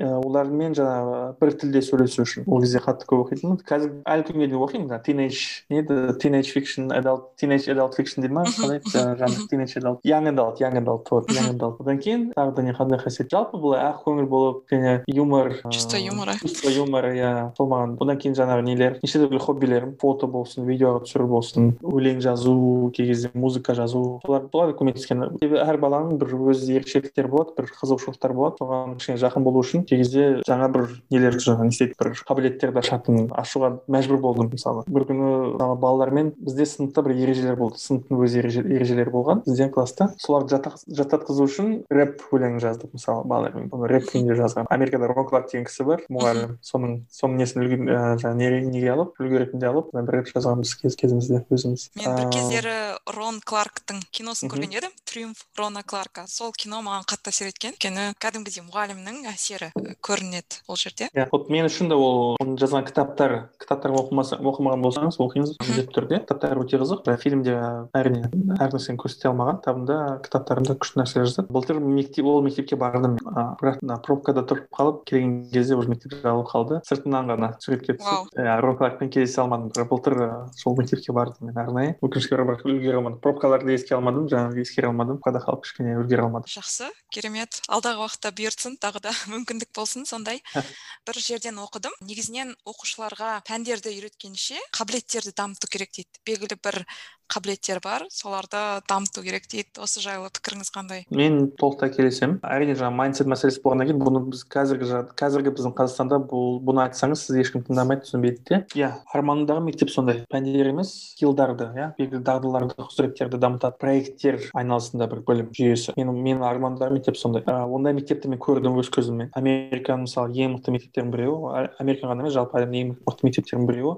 Хайтек хай деген скул бар. Хайтек хай деген мектеп бар. Ол жақта пән деген нәрсе жоқ деп айтуға болады. Жобалар бар. Мысалы оныншы сыныпқа бардық. Оныншы сыныптар егер біз жаңағы адамдар марсқа көшетін болса марста қалай өмір сүреді? Қалай өмір сүре алады? Жалпы қалай барады біріншіден деген бір оймен бастайды оқу жылын. Және физика химия жаңа биология мұғалімдерімен бірге сондай жоба жасайды мысалы физика сабағында олар ракета жасайды өздері кәдімгідей ракетаны алады да ұшырады соны. Сол ракета мысалы салмағы қандай болу керек қанша жаңағы несін жанармайын қанша жұмсау керек деген сияқты. Сондай нелерді зерттейді химиясын да зерттейді жаңағы физикасын зерттейді. Биология сабағына барсақ сабақ емес жаңағы биология мұғалімінің кабинетіне барсақ бұл кісілер нені зерттеп жатыр? Марсиан деген фильмді көрген шығарсыздар? Марсқа барған кезде нені өсіреміз қалай өсіреміз қандай тамақты өсіреміз қандай тамақ өсірген дұрыс деген жобаны жасап жатыр балалар. Соның нәтижесінде несін жасаған жаңағы кітабын жазған балалар марсқа баратын болсақ не істеуге болады? Яғни жылдың соңында нәтиже баланың ойында бір жаңағы қолында бір кітап бар марсқа өту несі нұсқаулығы. Одан кейін жаңағы физикасын да үйренді бүкіл тақырыптарын. Негізінде былай қарасаңыз қарапайым бағдарламада бар тақырып негізінде. Олар үйренеді. Сондай бір өздері де байқамайды қалай үйренгенін мысалы себебі оны жасай отырып үйренеді. Армандағы мектеп сондай жаңағыдай балалар. Мысалы кеше ғана соны талқыладық бір әріптесімізбен. Survivor survival деген не бар сабақ бар выживать иә? Яғни орманда қалсаң немесе жаңағы пандемия кезінде мысалы кім білген ол керек болады сондай орманда жалғыз қалып қойсаң немесе басқа бір океанның ортасында жалғыз қалып қойсаң не істеуге болады? Соны зерттейді балалар мысалы себебі ол ол дағдылар керек болып қалуы мүмкін. Иә келісемін оны үйрене отырып жаңағы физикасын да математикасын да әдебиетін де жаңағыдай марсқа көшу несін әдебиет мұғалімі де қолданды. Мысалы марсиан деген кітапты олар соны оқыған әдебиет сабағын тек қана жаңағы классика шекспир емес сондай кітаптарды да оқытады. Себебі жаңағы оқу несін дамыту үшін. Керемет бір мектеп оның бір үлгісі бір андай прототипі бізде қазақстанда бар екен алматыда хайтек академия деген мектеп бірақ өзім әлі барып көрген емеспін бірақ ол сондай сол мектепке кішкене ұқсатып жасаған деп білемін мен де бірінші рет естіп тұрмын негізі қарап көру керек екен ойыңызбен толықтай келісемін бір мақалада оқыдым жапон елінде балабақшалары сондай қабілетпен тәрбиелейді екен мысалы оларда бір қырық елу қабілет болады түймені тігу деген сияқты немесе басқа соны үйреніп шығады екен соны естігенде таңқалдым мен басқасын айтайын біз финляндияға барған кезде бірінші сыныптың сабағына бардық қарасақ бір класстың артында сыныптың артында бір ойыншықтар тұр. Ойыншық музыкалық инструменттерге ұқсайды бір ойыншық сосын сұрадық. Бұл бұл не деп? Мұғалім айтады бұл балалардың жаңағы жылдың соңында бір концерт болады соған бір арнайы не инструменттер ойнайды. Балалар өздері жасады деді и біз оп деп тоқтап қалдық. Қалай қалай? Бірінші сыныптың балалары өзінің концертте қолданатын эксперименттерді өздері жасайды. Қалай дедік жүріңіз көрсетейік. Астыға түстік астта кәдімгідей бір не бар? Үлкен бір шеберхана бар ішінде неше түрлі инструмент бар. Біздің ата анаға бұны көрсетіп иә сізді сотқа береді. Қауіпті деп. А ол кішкентай кішкентай жастан бастап жаңағы сол мен жаңағы арамен жұмыс істеу осындай бір андай неше түрлі инструменттермен жұмыс істеуді сол, сол кезден бастап үйретеді балалар. Немесе сол балаларды сыртқа шығарады ол жақта әлем бойынша күніне ең аз жаңағы сабақ саны ә, мемлекет бұл финляндия. Максимум бес сабақ болады күніне максимум бес алты сабақ он бірінші сыныпта уақыттың үлкен бөлігін неде өткізеді? Далада өткізеді ойнап далада жүріп велосипед теуіп шаңғы теуіп. Топырақты бәрін тастың бәрін ұстап көріп деген сияқты. Иә иә и шетелден келген қонақтар көбінесе қорқады мысалы. Бала бір ағашқа шығып мысалы құлауы мүмкін деп қорқамыз біз. Ал олардың философиясы былай. Құласа үйренеді. Ол ағаш шығу керек жаңағы ұруға болмайды деген нәрсені үйренеді. Немесе бір бір шағын бір кішкентай бір жарақат алса үйренеді. Значит мынаны осылай ұстауға болмайды екен деп істеп үйрену керек бала diy дейді ғой do it yourself. Ата аналар да солай. Ата аналар мысалы баласын көбінесе мектепке апармайды. Баламен бірге мектепке барады. Жаяу. Немесе шаңғымен немесе велосипедпен. Яғни сондай нәрселерді қатты жақсы үйретеді. Мысалы бірінші класты қарадық далаға шығады бәрі несін киеді. Жаңағыдай киімдерін арнайы жаңбыр болса да олар айтпақшы минус елу жаңағы не болса да аяз болса да олар мектептерін не істемейді мектеп жұмыс істей береді и бала соны үйрену керек дейді аязда да жүрген жаңбырдың астында да жүре білу керек жаңбырдан кейін келеді бала өздері жаңағы несін кептіреді киімін кептіреді өзінің киімін ауыстырады мұғалім еш нәрсе жаңағы көмектеспейді бізде білесіз керісінше бәрін өзіміз істеуге тырысамыз олар жоқ бала өзі үйреніп өзі істеу керек жаңағы өзі жасап өзі үйрену керек деген философия бар. Кәдімгідей үлгі аларлық жағдай екен. Өйткені біздің ата аналарымыз андай қорқатын сияқты. Мысалы мен европада болған кезде балалар жаңағы песочница дейді ғой сондай құмда жалаң аяқ жүреді таста көшеде ешқандай қорқу жоқ та біздерде бір аяғыңа тікен кіріп кетеді бірдеңе болады деген сияқты. Сондай бір қорқыныш болуы мүмкін. оның да бір термині бар helicopter parents деп аталады осындай аталынып ана баланың үстінде тікұшақ сияқты ұшып жүретін и кез келген бір жағдайда сразу түсіп сразу жаңағы несіне араласатын жұмысына араласатын. Негізінде ол негативный бір термин иә helicopter parents. Өкінішке орай бізде көп ата ана бар сондай. Негізінен менде сізге сұрақ болған арманыңыздағы мектеп қандай деген? оған жауап беріп кеттіңіз. Енді әдеттерге өтейік. Негізінен біздің подкасттың тақырыбы әдеттер болғандықтан әдеттер жайлы біраз сөйлесейік. Сіздің мақтанатын бір үш әдетіңіз бар ма кітап оқу одан кейін кітап оқудан басқа фото деп айтсам болады әрине бірақ ол қазір уже әдет емес кез келген бір қарапайым нәрсені айтсаңыз болады мүмкін. Таңертең жасайтын ритуалдарыңыз бар шығар. Түнде кешке қарай ұйықтардың алдында жасайтын ритуалдарыңыз бар шығар. Кез келген. Иә иә қазір қазір айтайын су ішу қазір қайтадан менде сол әдет пайда бола бастады. Өзіме жаңа бір керемет бір бутылка алып алдым. Қымбат бір бутылка алып қойдым. Сол су ішуді қайтадан не істеп жатырмын қолға алып жатырмын. Так әдет әдет әдет әдет. Сол кітап оқудан басқа менде не бар. Плейстейшн ойнау деген әдетім бар. Қатты көп. Кей кезде көп ойнаймын кей кезде аз ойнаймын. Бірақ бұл әдет бар менде. Фильмдер көрген кезде ағылшынша көруге тырысамын тек қана. Өте пайдалы әдет. Кіші жастан бастап бұл пайда болған бір әдет. Одан кейін так тағы да қандай әдетіміз бар? Қандай әдетіміз бар? Так так так так так. Қарап отырмын жан жаққа даже білмеймін басқа қандай әдеттеріміз бар? Жаңа бір нәрсемен айналысу деген әдет бар. күшті әдет? Өте күшті әдет. иә оны мұғалімдік кезімде де оны қолданып көрдім. Яғни мұғалімдіктен жалықпау үшін жыл сайын жаңа бір нелер ойланатынмын. Жаңағы жобаларды басқаша сабақ беру методикасын немесе басқа бір сабақ беру тәсілін деген сияқты. Және қазір өмірден жалпы жалықпау үшін жаңа нәрсе үйренуге тырысамын. Жылда бір екі жылда бір жаңа бір хобби жаңа бір инструмент жаңа бір тіл жаңа бір қазір мысалы программирование үйреніп жатырмын питонды. Вау. Ертең қолданамын ба білмеймін бірақ қызық мысалы қызық негізі керек? Иә қызық бір жағынан. Одан кейін жаңа фортепиано болсын. Жаңа нәрсеге ашық болу иә. иә. Әр күн сайын бір бір нәрсе істеп көру өте күшті деп ойлаймын. Осы жайлы мынандай сұрақ қойғым келіп тұр. Сіз мысалы көп кітаптар оқисыз иә? Осы кітаптардың ішінде бір ұнаған тәсілдерді зерттеулерді оқушыларыңызға қолданып көрдіңіз ба сондай тәжірибе жасап бір эксперимент ретінде мысалы? Қандай әсер? ең жаңағы көп қолданатын нелерім жаңағы сол мотивация туралы еңбектер зерттеулер. Қатты өкіндім неге бұны ертерек оқыған жоқпын неге бұны университетте бізде оқытқан жоқ деп. Баланың ішкі мотивациясы пайда болса одан кейін уже мұғалімнің несі? Жұмысы оп оңай болады. Тек қана бағыт қана көрсетесіз болды. Мысалы сізге айтайын мысал ретінде. Кітап оқу. Иә балалар кітап аз оқиды анау мынау деген проблема бар. Соны бір істеп көрейінші басқаша. Балалар қинамай ешқандай жарыс ұйымдастырмай ешқандай баға бермей оқыта аламыз ба жаңағы кітапқа деген құштарлықты не істеп оята аламыз ба жылдың басында келдім балаларға көрсеттім міне сендерге бір не ұсынамын он түрлі кітап он жанр күшті керемет слайд дайындап әр кітап туралы бір не беріп мағлұмат беріп оларға суреттерін көрсетіп деген сияқты. Оны давайте бірге оқып көрейік дедім оқымаймын десеңдер пожалуйста өз еркілерің ііі оқымаймын десең оқыма оқимын десең бұл кітапты мен саған беремін қашан бітіремін десең өзің білесің ешқандай бағасы жоқ бұның бағаланбайды бұл бұл жұмыс тек қана өзім үшін дедім. Өздерің үшін. Жоқ мен мына он кітапты емес басқа бір кітапты оқиын десем пожалуйста болды өз еркіңде бірақ қана нәрсені беремін дедің сендерге тапсырма емес бұл просто ұсыныс. Бос бір хабарға болды оған бір бос бір плакат жабыстырып қойдым. Егер кітаптан бір ұнаған бір цитатаны көрсем ұнаған бір сөзді көрсем оны бір андай стикерге жазып жабыстырсам болды. Хотя бы ол кітапты еш оқымаған кісі хотя бы сол цитатаны оқып бір нәрсе үйренсін ол кітаптан деп. Эксперимент ретінде бастадым. Ол хабарға екі аптаның ішінде толды мен стикерлермен балалар мен ешқандай жарияламасам да оны андай бірінші бала бір кітапты оқыса қараса там басқа бір бала допустим уже оказывается алда екен кішкене бара жатыр ол да қызығып себебі ол бала ең қызық жерлерін тауып өзі бірінші жабыстырады екен. Оған жету үшін басқа балалар кішкене озуға тырысады оны деген сияқты. Бірақ балаларда не пайда болды. Кейін басқа балалар келеді айтпақшы. Басқа сыныптың балалары келеді. Бұл не екен? Бұл жаңағы хабарға қарайды неше түрлі цитата бар үстінде. Вот ол деп атады. Оны қызық екен дейді да мына кітапта. Кітаптың белгілі бір кітаптың нелер цитаталарды байқаған кезде а мына кітап қызық екен мына кітапты оқу керек оқу керек екен деп кітапты ашады да оқи бастайды мысалы. И бізде сол сыныппен күшті бір не пайда болды ана кітап оқу пайда болды.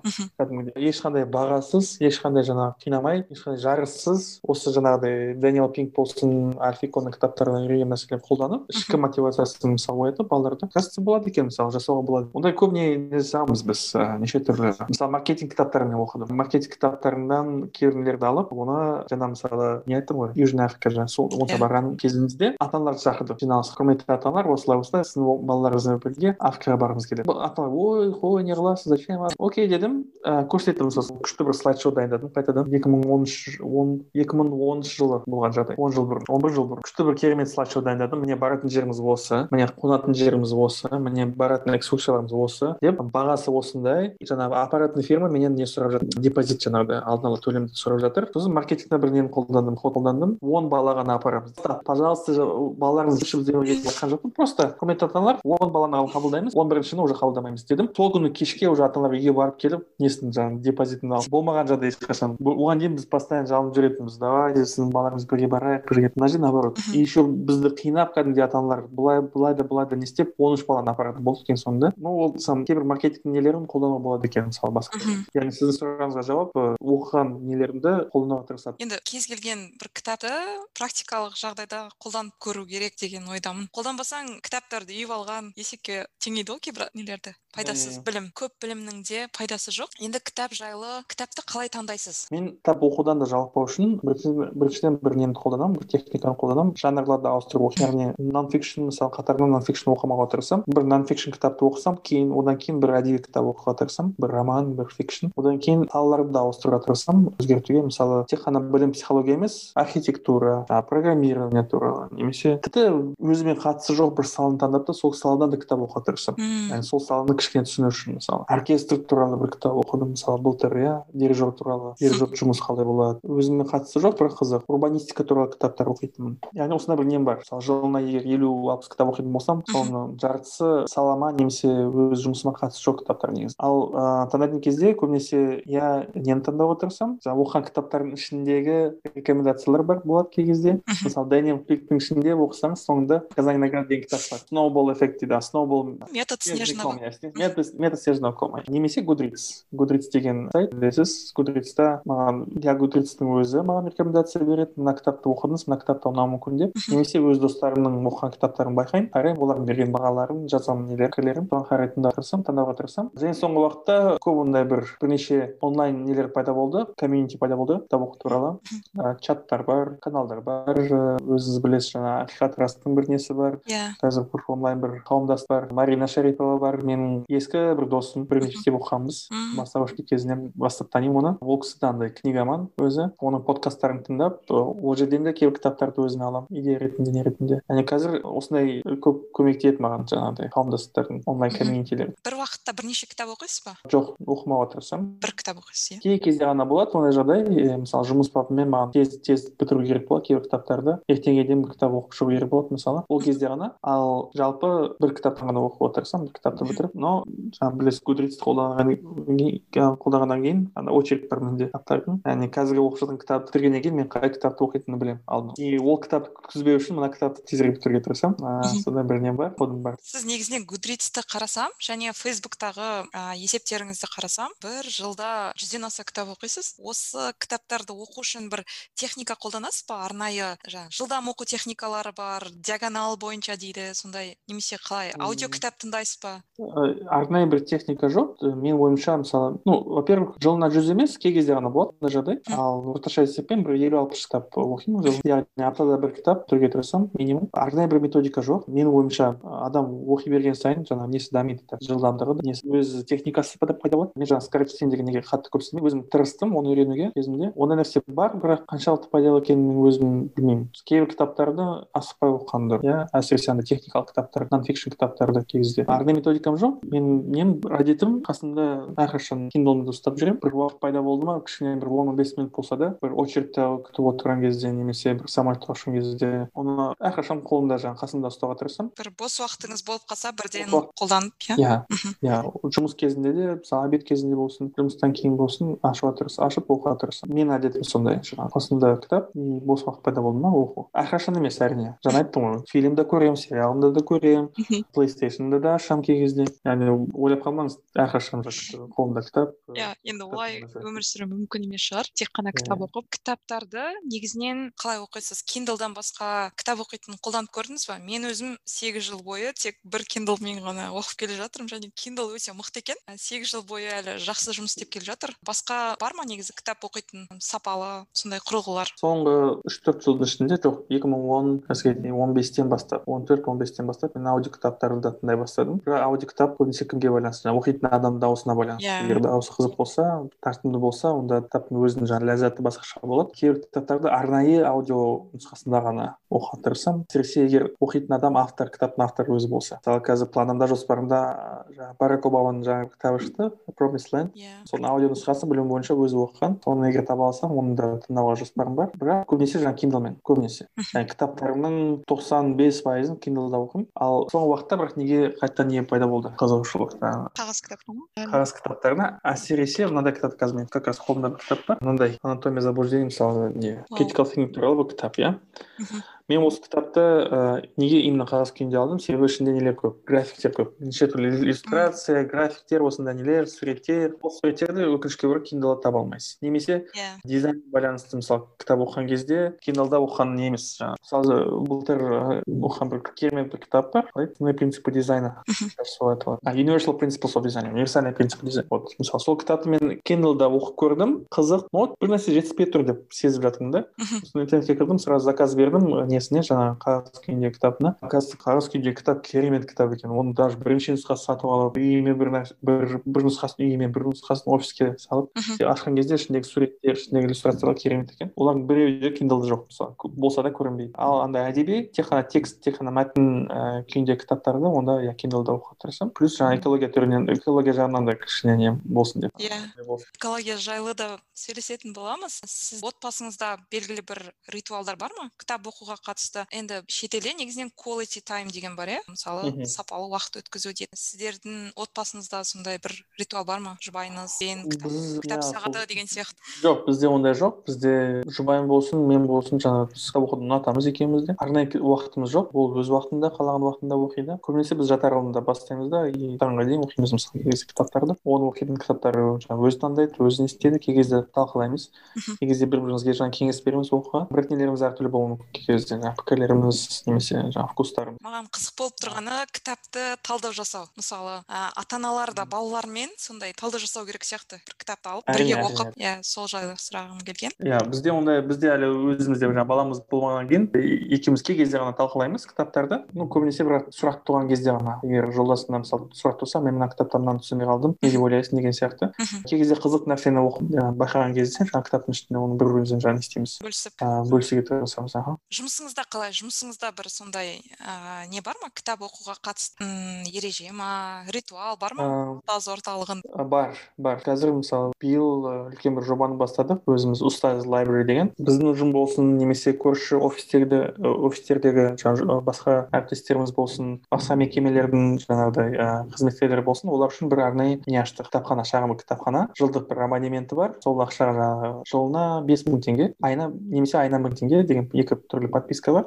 Сол ақшаға қайтадан жаңа кітаптарды аламыз толықтырамыз. Аптасы сайын жаңа кітап заказ беруге тырысамыз жалпы осы білім саласы болсын жаңағы психология маркетинг менеджмент неше түрлі жаңағы нелер биографиялар жалпы осындай бір пайдалы сапалы бір шағын кітапхана. Және әр әріптесімізге сондай бір не енді нақты бір талап қойған жоқпыз бірақ как минимум аптада бір кітап бітіруге тырыс деп бір өзіміз бір сондай бір установка беріп әріптесімізге. Және де мысалы мен өзім әріптестеріме өзім болсын жаңағы әріптестеріме айтамын. Жұмыс кезінде егер кітап оқысаң пайдалы бір кітап оқысаң жұмысымызға пайдалы жұмыспен байланысты кітап оқысаң ол жаңағыдай уақытыңды бос, бос өткізіп жатсың деген сөз емес. Бұл кәдімгідей жұмыстың бір бөлігі. Иә жұмыстың бір бөлігі ретінде көру керек себебі егер сен осы кітаптарды бос уақытыңда ғана қалдыратын болсаң ол уақыт ешқашан келмейді ешқашан бұл кітапты бітіре алмайсың. Сол үшін біздің әріптестер қазір еркін қалаған уақытында кітапты жаңағы пайдалы кітаптарды алады да. Ашады да оқиды мысалы жұмыс кезінде. И бұл кәдімгідей жұмыс уақыты болып саналады бізде. Ол не емес. Ешкім бұған тиіспейді мысалы а мен есімде жоқ. Драйв кітабында ма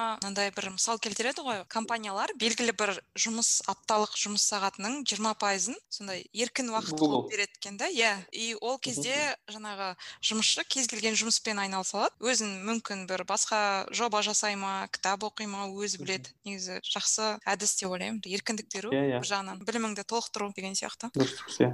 Осы қазір біз сондай бір жобамыз бар. Тек қана ұстаз орталық емес тіпті андай ыыы тех персонал болсын. Олар да келіп оқыса бір ойымыз бар. Кітаптарды алып оқыса деген сияқты өзін дамытса. Мен мысалы бір досым бар. Кезінде ол досының бір несі болған. Техника сататын бір магазин болған. Болған астанада. Астанада және алматыда. Ол кісінің маған несі қатты ұнады? Сататын дүниелер кішкене қымбаттау болған. Мысалы даже әшейін бір не наушник бір андай зарядтайтын бір шнур алатын болсаңыз сәл қымбаттау болады негізі бірақ сол жерден барып алатынмын ішіндегі несі маған қатты ұнайды? Сервис. Ішіндегі бір нелер жаңағыдай. Әрбір сатушының бір маған деген ілтипаты бір несі жаңағыдай. Келеді менімен бір сөйлеседі маған бір не ұсынады. Кей кезде өзі бір подарок береді маған мысалы. Мына кабельдің жанына мына переходникті алыңыз бізден болсын деп жаңағыдай.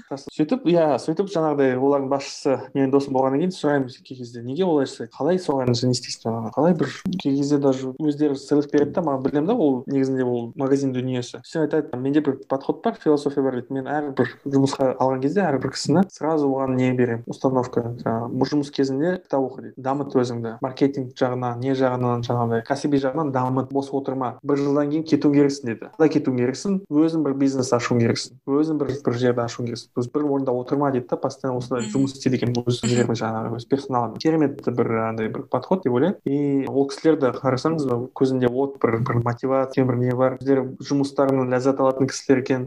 Істегендер өкінішке орай ол ол дүкендер жабылып қалды басқа бір себептерге байланысты. Бірақ ол корпоратив жаңағы мәдениет маған қатты ұнады жаңағы кім болсаң да өзіңді дамыт менің ойыма осы жайлы тони шей деген бар аяқ киім сататын кісі доставляя счастье деген кітабында айтады. Жаңағы дүкенге қағаз қорапшалар қойып қойдық дейді. Сосын сатып алушылар келген кезде жаңағы балалары оған сурет салады деген сияқты. Сондай бір иә, иә, қызмет иә. көрсеткен өте қызық. Тони шейдің кітабын мен әр әріптесіме әрқашан сол туралы айтамын. Міндетті түрде оқып ал деп ішінде пайдалы нәрсе көп. Өкінішке орай тони шей жақында қайтыс болды білетін шығарсыз. иә білемін. Естіген шығарсыз. Иә бір керемет кітап. Иә егер оқымаған біздің тыңдаушыларымыз болса осы подкасттың міндетті түрде қазір тыңдап жатқан кісілер болса міндетті түрде оқыңыз иә. Келесі жаңа ғана сіз экология жайлы айттыңыз енді экологияға ауысайық біраз.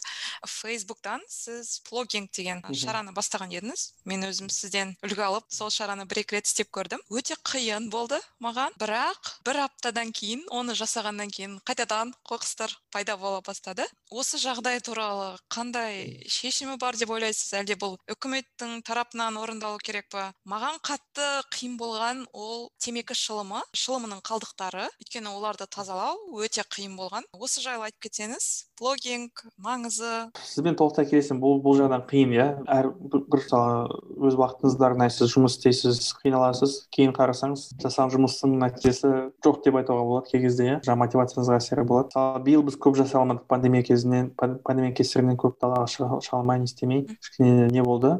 Блогинг мәселесі кішкене қалды биыл. Шын айтатын болсам. Менің ойымша бұны бір андай біреулер бастап біреулер жалғастыру керек. Ертең бұл ұлттық бір неге айналса? Иә мейнстримге айналса онда бұл жаңағы не іске асырылады? Бұл бұл жоба. Блогинг болсын жалпы тазалық экология болсын. Бұл туралы екі не бар. Тағы да кітап туралы сөйлесетін боламыз қазір бірінші бұл ә, не так типпинг point деген кітап бар малко гладуэлл типпинг point орысшасын білмеймін яғни бұл критикалық масса туралы егер белгілі бір адамдардың саны белгілі бір санға жетсе. Мысалы блогингпен айналысатын немесе тазалықты жаңағы дұрыс ұстайтын адамдар. Онда олар көпшілікке жетсе ертең уже басқалар қосылады сол қауымға иә. Бірінші сол жаңағыдай бір критикалық масса жинауымыз керек. Жалпы осындай экоактивизммен айналысатындар болсын жалпы экологияға кішкене жауапкершілікпен қарайтындар болсын. Екінші бір не? Екінші бір кітап ол атомные привычки немесе сила привычки екі кітап бар. Бұл әдеттер туралы жаңағы да подкастпен байланысты. Пайдалы кітап. Иә жаңағы шылым қалдықтары болсын басқа бір нелер болсын бұл да менің ойымша осы кісілердің мысалы темекі шегіп осындай нәрселерді тастайтын кісілердің әдеттеріне байланысты олардың әдеттерін өзгерте алса кейбір әдеттерін өзгертуге тырыссақ онда бұл мәселені де шешуге болады деп ойлаймын. Бұл жерде де майндсет мәселесі сияқты. Ол да нәрсе емес. Иә иә ол да майндсет мәселесі дұрыс айтасыз. Ол туралы ең керемет кітаптардың біреуі бұл предсказуемая иррациональность кітап бар. Мен қазір осы мәселені қатты осы мәселеге қатты қызығып жатырмын. Жалпы behavioral economics behavioral psychology. Ол жақта да көп нәрсе үйренуге болады. Жаңағы адамдардың әдеттерін қалай өзгертуге болады қалай ауыстыруға болады деген сияқты. Адамдардың психологиялық тұрғыда шешім қабылдауы. Негізінен сізге осы кітап үшін алғысымды білдіргім келеді. Мен осы кітапты сіздің кеңесіңізбен оқыдым және өте күшті әсер алдым. Кәдімгідей майндсет шифтинг болды. Сондықтан иә yeah, кеңес беремін оқуға. Керемет жақсы рахмет. Осы жауабыңызға. Енді find your be подкасты жайлы сөйлесейік. Осы подкастта біраз уақыт жүргізуші болдыңыз. Негізі қалай болды? Сіз өзіңіз қаладыңыз ба? Жүргізуші болуды әлде сізге ұсыныс жасады ма? Мхм жалпы мен подкасттарды екі мың так бес немесе алтыншы жылдан бастап тыңдай бастадым жалпы. Ол кезде әлі смартфон жоқ. Ол кезде қарапайым нокиамен бірақ нокияның ішінде бір подкаст тыңдайтын бір не болатын менде приложение ол кезден бастап қызығатынмын жаңағы подкаст деген нәрсеге и неге біздің адамдар тыңдамайды неге біздің адамдар жалпы подкаст не білмейді. Бір не болған. Қашан қашан жаңағы қашан бізде қазақстанда подкасттар шыға бастайды деген немен жүргенмін арманмен одан кейін алғашқы мен тыңдағаным кәдімгідей қазақстандық подкаст ол файндерби подкаст болды. Оған дейін де бірінші подкаст, подкаст шығып көрген но андай шығады да сосын жоқ болып кетті подкасттар көп болды емес болды иә? Иә екі подкаст тыңдайтынмын қазақстандық. Бұл бірінші тамаша жыл подкасты. Талшын. Подкаст иә. Одан кейін жаңағы файндерби екеуін тыңдай бастадым. Екеуі де қатты былай өзіме қызық болды өзіме қатты былай әсерін үлкен болды. Міне деймін да нағыз бізге керек подкасттардың екеуі осы деп. Сосын бір эпизодында қайыржан бір үндеу жасаған. Құрметті достар құрметті тыңдармандар осылай осылай. Кішкене қазір көп көп эпизод жиналды қолым тимей жатыр. Егер көмектесемін деушілер болса маған жазыңыздар жаңағыдай танысайық не істейік деп. Мен ол кезде жаздым. Өзім менің де үлесім болсын осы подкаст жалғасу керек деп ойлаймын. Кәдімгідей бір не болды менде қорқыныш қорқыныш пайда болды. Егер қазір қайыржан бұны істей алмаса бұл подкаст жойылады деп. Бұл подкаст та жойылады басқа подкасттар сияқты. Жоқ бір үлесімді қосайын деп хабарластым қайыржанмен таныстық нелеріміз де қатты ұқсайды былай кейбір көзқарастарымыз нелеріміз жүз пайыз бірге болмаса да бір бір бірімізге жаңағындай өте андай жақын болып кеттік екеуміз де дос сияқты. Әлі әлі күнге дейін кездескен жоқпыз кісімен. Қалай былай да былай да әйтеуір болмай қалды. Ол келген кезде мен жоқпын мысалы ол қазақстанға келген кезде мен қазақстанда жоқпын деген сияқты. Енді бірінші мен монтаж жасаймын деп не бердім жаңағыдай ұсыныс бердім давай мен монтаж жасап мен көмектесемін мен монтаж жасауды білемін кішкене аудиода одан кейін өзі маған ұсыныс берді давай сен не істеп көрші интервью алып көр деді окей алып көрейін дедім мен бірінші жасаған интервью кішкене болды өзіме ұнаған жоқ білесіз өзіңіз алғашқы нелеріміз қандай болатынын жаңағы интервьюларымыз иә но қалай болса да бір пайдасы болсын деп соны шығардық одан кейін мен жаңағы келістім қайыржанмен мен білім саласы болса білім саласымен байланысты жалпы өз салама кішкене қызықты нәрселер қызық қонақтар болса ол кісілермен мен неге дайынмын сұхбаттасуға дайынмын немесе басқа сала болсын қонақ табуға көмектесейін басқа қонақтарды. Осылай не істей бастадық араласа бастадық и әлі күнге дейін осы жобаның ішіндеміз. Біздің командамыз кішкене үлкейді. Бір он он бес шақты бір тұрақты біздің команда мүшелеріміз бар. Әркімнің өз жұмысы белгілі функциялары белгілі. Қазір жақында жаңа сезон басталмақшы жаңа басталайын деп тұр. Енді жаңа сезонда жаңа нәрселер күтеміз көреміз. Тағы да жаңа нелеріміз бар жүргізушілеріміз бар. Ең үлкен жетістігіміз бұл подкасттың қазақша шыға бұл өте қуантарлық жағдай. иә себебі мен арманым сол еді негізінде. Мен өзім мысалы қазақ тілін кеш меңгердім кез кеш үйрендім. он бір жыл бойы қазақ мектебінде оқысам да қазақ тілін қазақ тілі туралы көп нәрсе үйрендім грамматикасы болсын ережелері болсын бірақ қазақ тілін өзін меңгерген жоқпын мысалы. Кейін семейге барған кезде айтпақшы семейде үйрене бастадым. Шынайы былай қазақ тілінде сөйлеу деген. Себебі біздің ақтөбеде жүрген кезде ол кезде қатты қажет емес еді қазақ тілін білу ал семейге бардым семейде қарасам дүкенге болсын жаңағы автобуста болсын қазақ тілі бір иә семейде кәдімгідей тілім ашылды. Астанаға келгеннен кейін қайтадан не болды не болды жаңағыдай. Нем жойыла бастады бір. База. Бірақ жаңағы тіл мәселесі кішкене не болғаннан кейін өте маңызды болғаннан кейін күттім мысалы қашан бізде қашан пайдалы контент пайдалы контент пайдалы контент. Пайдалы контент болмаса қандай бір саясат болса да не емес ешқандай бір әсері Иә. болмайды тек қана пайдалы контент. Маған қатты әсер еткен сіздің әсетпен бірге болған мхм. эпизод сондай кәдімгідей көп нәрсені біліп қалдым. Тазалық жайлы экология жайлы. Рахмет. Find the up подкастына сәттілік тілеймін. Ең подкасттың төбесінде тұрған подкаст қой? Білім саласында бізде қазақстанда подкаст бар ма? Немесе өзіңізде сондай подкаст ашу ойыңызда бар ма? Ойымыз әлі бар иә. Ойымызда бар. Негізі керек сияқты. айтқандай ондай идея болса иә жасау керек сияқты. Әлі ойымызда міне міне міне міне жасамыз жаса- жасаймыз деген ойымыз бар. Подкаст именно білім саласында білім саласы туралы жалпы білім туралы подкаст жасау. Кішкене халықтың білім саласы туралы несін арттыру Иә. сауаттылығын арттыру. Менің білуім бойынша жаңа как учиться деген подкаст бар. Біздің эльдар деген досымның. Бір соңғы уақытта шықпайтын болды кажется иә нелері тоқтап қалды иә. Иә эльдардың жұмысы ауысып басқа қалаға көшті деген сияқты. Бірақ ол да пайдалы подкаст болған деп ойлаймын. Және елдар деген қазір қазақша подкаст үйрену жайлы курс жасады. Иә, иә. өте пайдалы. Негізінен қаншама қазақ тілді аудиторияға подкастты үйретіп жүр. Өте күшті бастама. Иә жалпы әлі подкасттың несі бізде енді енді дамып келе жатыр? Жалпы осы алаң. Мысалы америкада уже олай емес америкада пик подкаст деген нәрсе бар естіген шығарсыз? Иә. қазір подкасттардың саны тыңдаушылардың санынан көп. Яғни егер сіз бір подкаст жасай- жасайтын болсаңыз америкада ноль тыңдаушы болу шансы өте үлкен. Иә. себебі подкасттар өте көп тыңдайтын уақыт жоқ. Мен өзімде де байқадым мысалы кейбір под-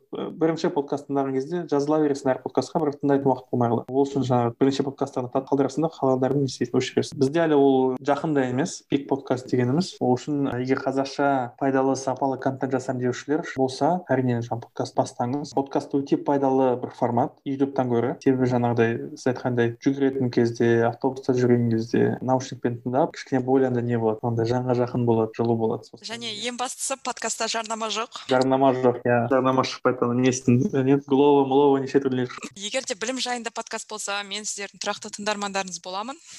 Как минимум да бір бір неміз бар. Иә жарнамасын жасап жүремін. Керемет. Келесі сұрақ. Сіздің ештеңе істегіңіз келмейтін уақытта қандай лайфхактарыңыз бар? Мүлдем сондай кездер бола ма? Ештеңе істегіңіз келмейді. әрине ондай кезде кей кезде қайтадан кітапты ашамын ол жаңа эскапизм дейді ғой. Бір білмеймін бір көңіл күйде бір проблема болса немесе бір басқа бір өмірде немесе жұмыста бір жағымсыз бір не жағдай болып қалса ол кезде сол жағдайдан кішкене алыстау үшін кей кезде кітапты ашамын қайтадан. Әсіресе бір әдеби кітап басқа бір әлемге не істеу үшін уақытша болса да барып келу үшін. Ә, немесе кей кезде қарапайым жаңа әшейін далаға шығып жаяу жүру. Кей кезде сондай бір не болады. Но бұл сұраққа жауап беру қиын неге десеңіз ондай жағдайлар көп тумайды менде. Мхм. яғни еш нәрсе істегім келмейді деген ауырсам ғана сондай нелер болады Иә. ауырып қалсам ғана. Ол да жиі болмайды құдайға шүкір. Жақсы сол үшін даже. Негізінен телефоннан әлеуметтік желіден демалатын кездеріңіз бола ма? Мысалы бір шектеу қойып деген сияқты немесе қазір айтады сандық детокс дейді. Неше түрлі қазір неше түрлі шаббат деген сияқты бар ғой. Сондай бар ма әдістер әдеттеріңіз бар ма? Арнайы нелерім жоқ. Кей кезде болып тұрады бірақ арнайы нелерім жоқ. Себебі- жұмыс бабымен болсын немесе жалпы жаңалықтан қалмау үшін мен нені ашып отырамын әлеуметтік желілерді одан кейін медиа активность деген бір принцип бар. Яғни пайдалы контент салып отыру керек. Егер салып отырмасаң пайдасыз контенттер көп пайда болады. Сонымен күресу үшін күресу үшін ы, пайдалы контенттерді салып отырған дұрыс деген бір, бір не бар бір принцип бар. Медиа активность деген дэн гилмор деген автор бар. Сол сол туралы жазған. Бұл кісі айтады жаңағыдай айттым ғой. Қазір қарасаңыз әлеуметтік желіде неше түрлі жаңа жағымсыз неше түрлі керек емес фейк ньюс неше түрлі жаңағыдай манипуляция иә.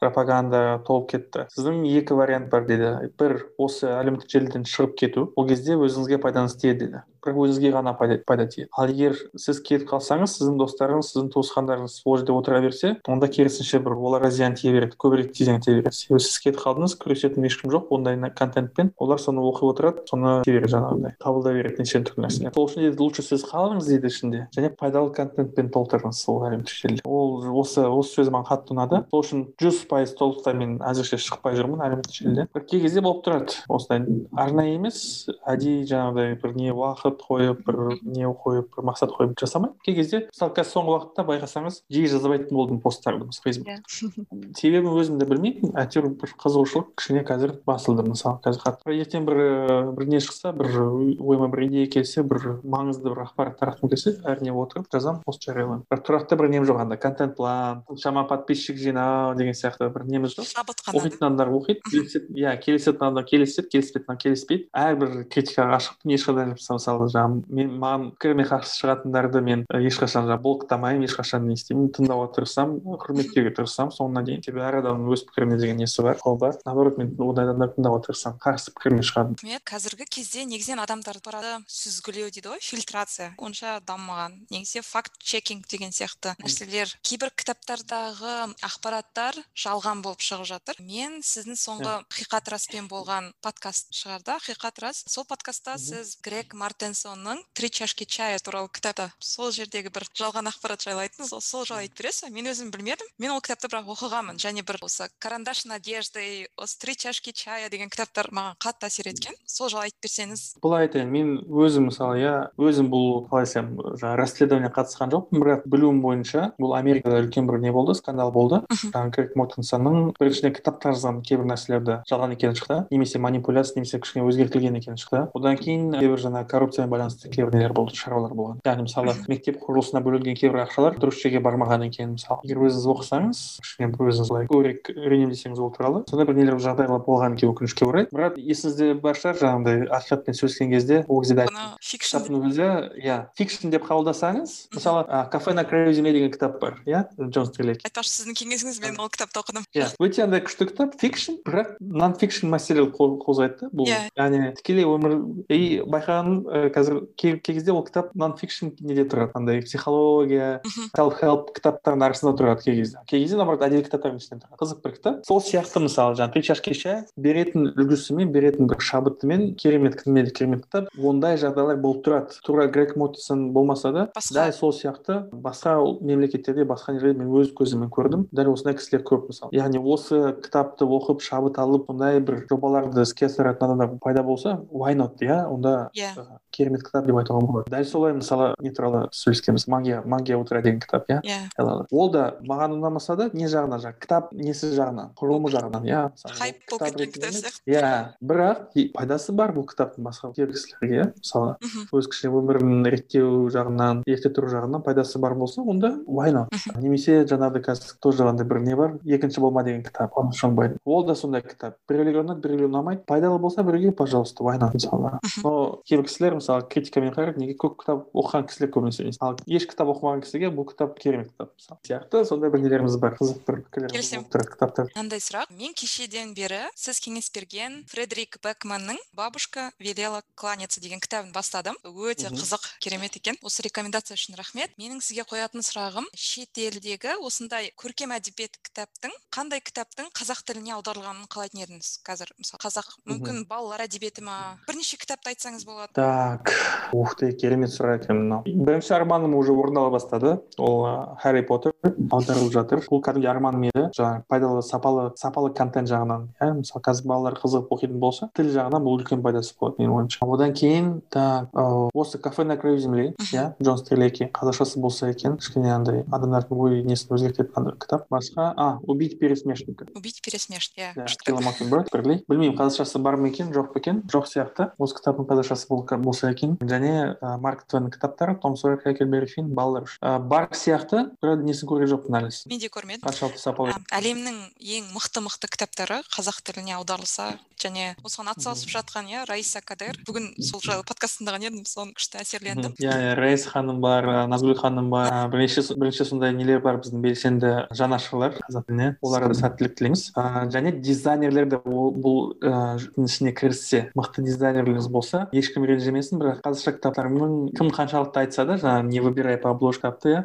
Бірақ кітаптың сырты да өте маңызды. Жалпы не жағынан оның мысалы қаншалықты мықты кітап екенін қабылдау жағынан кішкене әсері бар. Бұның психология байқасаңыз мысалы қазір ресейліктер бұл нені күшті қолға алып жатыр осы кітаптың дизайнды сыртқы дизайн болсын ішкі дизайн болсын. Сапасы ой қағаз сапасы шрифт ішіндегі. Бізде ол әлі үлкен проблема. Қаншалықты керемет кітап болса да шрифт жаман болса мен мысалы ол кітапты оқи алмаймын. Немесе кітабы несі қағаз сапасы төмен болсын. Бұл өте маңызды нәрселер негізі. Жарайды кітап бір бір екі мыңға қымбаттау болсын бірақ егер осы дизайн бәрі не болса ұстаған кезде былай кішкене ләззат алса адам жаңа мен сізге көрсеткен мысалы кітап сапасы керемет мысалы кітаптың ішіндегі суреттер болсын не болсын. кәдімгідей риза боласың иә ұстаған кезде. Оған мысалы біздің дизайнерлер несі көмегі керек? Қазір мен біздің офисте бір дизайнеріміз бар. Ол кісімен бірге біз жаңаша бір нелерді жасауға тырысамыз осы жаңағы аударып жатқан кітаптардың обложкаларын несі сыртын бұл да маңызды себебі негізінен ағылшын тіліндегі балаларға арналған кітаптарды қарасаңыз ол жерде текст өте аз иә тек қана суреттер мен қазақстанда қасым кітап деген баспа бар. Сол жақтан бір екі кітап алып көрдім. Бірақ маған ұнамағаны ол жерде үш ноян менің атым қожа деген кітаптар басылды. Бірақ ана жердегі шрифт өте кішкентай және кітаптың мұқабасы жұмсақ қатты емес. Иллюстрация ештеңке жоқ. Бұл бір жағынан балаларға қиындау сияқты маған. Олардың қалауын оят иә иә бізде қазір бір әріптестеріміз бар достарымыз бар. Олар дәл осы жобаны осындай жобаны қолға алып жатыр. Яғни балалар үшін балалар оқи алатын кітаптар. Ішінде өздері қазір кейіпкерлерді өздері жазды аттарын неше түрлі нелерін жаңағы хәрикаларын және қолдарында бір нелер бар. Художник иллюстраторлар бар олармен бірге қазір осындай жұмысты атқарып жатыр. Жақында бұйырса осы биыл шығады деп үміттенеміз осындай кітаптар. Пока что аттарын айтпай ақ қояйын. Қандай баспа екенін айтпай ақ қояйын. Жарайды шыққаннан кейін мен несін жазамын міндетті түрде ол туралы бір жариялаймын. Пост болсын не болсын жаққа бір айтатын боламын. Сізден келесі сұрақ. Мен сіз арқылы ақиқат распен таныстым және ол кісінің кітабын оқыдым. Сізге ұнайтын қазіргі қазақ қазақ әдебиетінде бір атап айтатын кітаптарыңыз бар ма? Осы ақиқат растың кітабын айтып кетсеңіз болады сіздің көңіліңізден ақиқат растың кітабы. Ол да жаңағы не сияқты иә кафе на крузиме сияқты нон фикшн фикшн бірақ нон фикшн яғни ойымызға кішкене көп көп нәрсе салатын кітап жаңағы соңғы жазған кітап болсын. Және оған дейін жазған қазы деген кітап басқа. Өткен ақиқатпен сөйлескен кезде де айттым. Ыыы гүлнара башкенованың бір кітабы бар. Гүлнара башкенова деген журналисттің бір кітабы бар. Жігер ниет қалай? Слишком. Мен ол кітапты оқыдым. Қандай? Только не говорите это слишком деген. Инклюзив. Тілік жайлы иә? Иә. қателеспесем бірнеше оқиға бар ішінде. Иә гүлнар гүлнар башкенова өзі андай тұрақты кітап жазатын кісі емес білесіз өзі журналист. Пост жазады неше түрлі редакциясы бар. Бірақ осы кітапты бір жоба ішінде жазды. Пайдалы кітап деп ойлаймын. Қазақшасы да бар бұл кітаптың. Жігер жүрек және ниет болса деп аталады. Жігер жүрек және ниет болса иә бұл қазақстанда инклюзиямен байланысты жағдайды түсіндіреді. Так одан басқа қазақстандық автор десеңіз ы ойыма ешнәрсе келмейді шын айтсам. Так классикалық не болмаса өкінішке орай әзірше келмей жатыр ойыма мен кей кезде ы арнайы нелерді аламын жаңағы қазақ қазақстандық кітаптар деген полкадан меломаннан қараймын өкінішке орай өзі туралы жазатындар көп. Иә. мен мынандаймын мен осындаймын мен мынандаймын деп ол кітаптар маған мүлдем ұнамайды. Одан кейін қандай кітап оқып көрдім мен? Жақында так білімге күштабық деген кітап бар. Авторы душен шаматов. Ол кісі қырғызстандық негізінде. Жақында бір қазақшасы шықты ол кітаптың. Өзінен ғана алуға болады. Былай неде таба алмайсыз бұл кітап. Ол да білім саласы туралы керемет кітап. Оқып көреміз. Андай шабыттандыратын бір кітап иә. Ол кісімен өзіңіз хабарлассаңыз ғана ала аласыз ол кітапты. Негізінен қазақ әдебиетінде қазір қандай жанр жетіспейді деп ойлайсыз? Көркем әдебиет? Бірінші жаңағы балалар үшін көркем әдебиет. Science fiction иә ғылыми фикшн ғылыми фантастика. Жалпы әр жанр негізінде. Яғни біз оны қандай бір кажется бір подкасттың ішінде сол туралы сөйлескенбіз біреумен. Қазір есімде жоқ. Ыыы бізге былай кітап несі кітап дүниесі дейік. Кітап әлемі әр жанрдан сапалы контентке әр жанр. Комикс болсын киберпанк болсын фикшн нон фикшн сайенс фикшн психология экономика маркетинг и так далее иә тағы өкінішке орай бұл андай екі жақты бір проблема да бізде. Бір жағынан нарық жоқ. Яғни мен қазір білемін да қазақша кітап шығаратын болсам оны оқитын адам көп саны көп емес. Ол үшін кішкене бұл андай бір тәуекелі бар бұның. Көп ақша жұмсап ертең оны шығара алмаймын ол рас оқырман саны аз қазақша оқитындар. Бірақ бұл не сияқты анда тауық пен жұмыртқа мәселесі сияқты. Мына жерде оқырман саны аз сол үшін кітап а кітап саны аз неге себебі оқырман аз бұл бір жақтан бір бастауымыз керек ол үшін ә, біраз жасалып жатқан шаралар да дұрыс емес деп ойлаймын яғни мемлекеттік ақшамен там рухани жаңғыру аясында үлкен бір жоба үлкен бір ақша бөлініп жүз кітап жүз елу кітап хоп алдық та аудара салдық. Бір сапасы төмен болуы мүмкін аударманың екі бұл нарыққа сай кітап болмауы болмауы мүмкін өкінішке орай. Нарық қазір нені сұрап жатыр? Просто неге қандай кітапқа? Мысалы жаңағыдай гарри поттер иә? Немесе жаңағыдай окей магия утра қалай еді қазақшасы? Таң шапағаты таң шапақ Иә. окей бола берсін хотя бы соны оқысын. Иә мари кондоның кітабы может быть иә? Магия Убор- уборки магическая иә. уборка иә иә. Сияқты кітаптар сұраныста болса ондай кітаптар шығу керек қазақша деп ойлаймын. Қазақша шығу керек сапалы сапалы бір аударма. Білмеймін бірақ ол өте андай күрделі бір сұрақ негізінде күрделі бір мәселе. Ұзақ талқылауға. иә ол тағы да бір үш төрт сағат керек ол талқылау үшін. Менің ойым жаңағы мен мына мынандай ойға келісемін. Әр жанрда әрбір кітап жаңағы кітап сүйер бір кісіге сай бір кітаптар несі болу керек. Мысалы мен science fiction жақсы көремін. Science fiction даже қазақша мысалы ғылыми фантастика жанрында бар ма кітап? Хотя бы аударылған. Жоқ значит мен орысша немесе ағылшынша оқитын боламын. Ешкім ренжімес өте андай бір не да күрделі бір мәселе да бұл. Кім бастау керек? Бірінші біз оқитын адам ретінде біз тудыруымыз керек па? Просто немесе біріншіден толып кету керек жаңағы нелеріміз одан кейін ғана пайда болады. Бір не да? Күрделі бір мәселе рахмет иә жауабыңыз өте ойланарлық. Біз эпизодымызды қорытындылайық келесі сұрақ бақыт деген нәрсені қалай түсінесіз? Бақыт деген нәрсені. Бүгін ғана біз талқылағанбыз бұны. Бір мектепке мені шақырды. Андай қонақ не ретінде? Спикер ретінде. Негізінде тақырып мамандық таңдау еді бірақ бақытқа айналды бақыт дегеніміз менің ойымша жаңа абай айтты ғой сенде бір кірпіш дүниеге кетігін тап та бар қалан кетігін таппаған бір кірпіш жай ғана бір кірпіш болады оның көп пайдасы болмайды мысалы иә. Ал бір кетігі тауып та қаланған бір кірпіш өз мысалы қоғамда осы әлемде бір өз орнын тауып үлкен бір ненің ретінде жаңағы үлкен бір жүйенің бір бөлігі ретінде өзін тапқан адам өз функциясын өз мақсатын осы өмірдегі өз несін тапқан адам бақытты болады деп ойлаймын. Яғни менің өмірім босқа өтіп жатқан жоқ. Менің бір басқалар бір пайдам бар. Қоғамға болсын жалпы неге болсын әлемге болсын бір пайдам бар деген сезінген адам бақытты болады деп ойлаймын. Бұл туралы да бір зерттеулер бар. Айтпақшы адам лейпциг деген кісі туралы зерттеген. Ол да дәл сондай бір неге келген. Яғни қандай жұмыспен айналысса да қандай іспен айналысса да өзінің басқаларға пайдасы бар екенін сезінген адам бақытты болады. Ақшасы бар адам емес яхтасы миллиондаған несі бар адам емес именно мен пайдалымын деген неге келген адам. Өте керемет жауап. Нұрлан аға сіз алтындай уақытыңызды бөліп біздің эпизодын интервью түріндегі бірінші қонағы болғаныңызға үлкен алғысымды білдіремін. Өте керемет сапалы әңгіме болды. Және бүгінгі эпизодты мынандай сұрақпен аяқтайық. Бұл біздің тыңдармандарымызға да бір кеңес болсын. Өзіңіз 15 жасар нұрланға қандай кеңес айтар едіңіз? Так 15 жасар нұрланға білмеймін айтсам. Мысалы былай қарайтын болсақ мен өмірімде неше түрлі проблемалар да болды неше түрлі жағдай да болды бірақ ешқашан өкінбеймін ешнәрсенің өзгергенін қаламаймын жаңа өмірімде. Сол үшін беретін кеңес та жүрген жолыңмен жүре бер бәрі жақсы болады деп айтар едім. Керемет. Өте бақытты жан екенсіз. Сізге мықты денсаулық тілеймін. Осы ағартушылық жұмысыңызды одан ары жалғастыра беріңіз. Сіз сияқты біздің елімізде прогрессивті ұстаздар көбейе берсін. Әмин еліміздің болашағы жарқын болсын. Сонымен осымен біздің эпизодымыз тамам. Сау болыңыздар аман болыңыздар.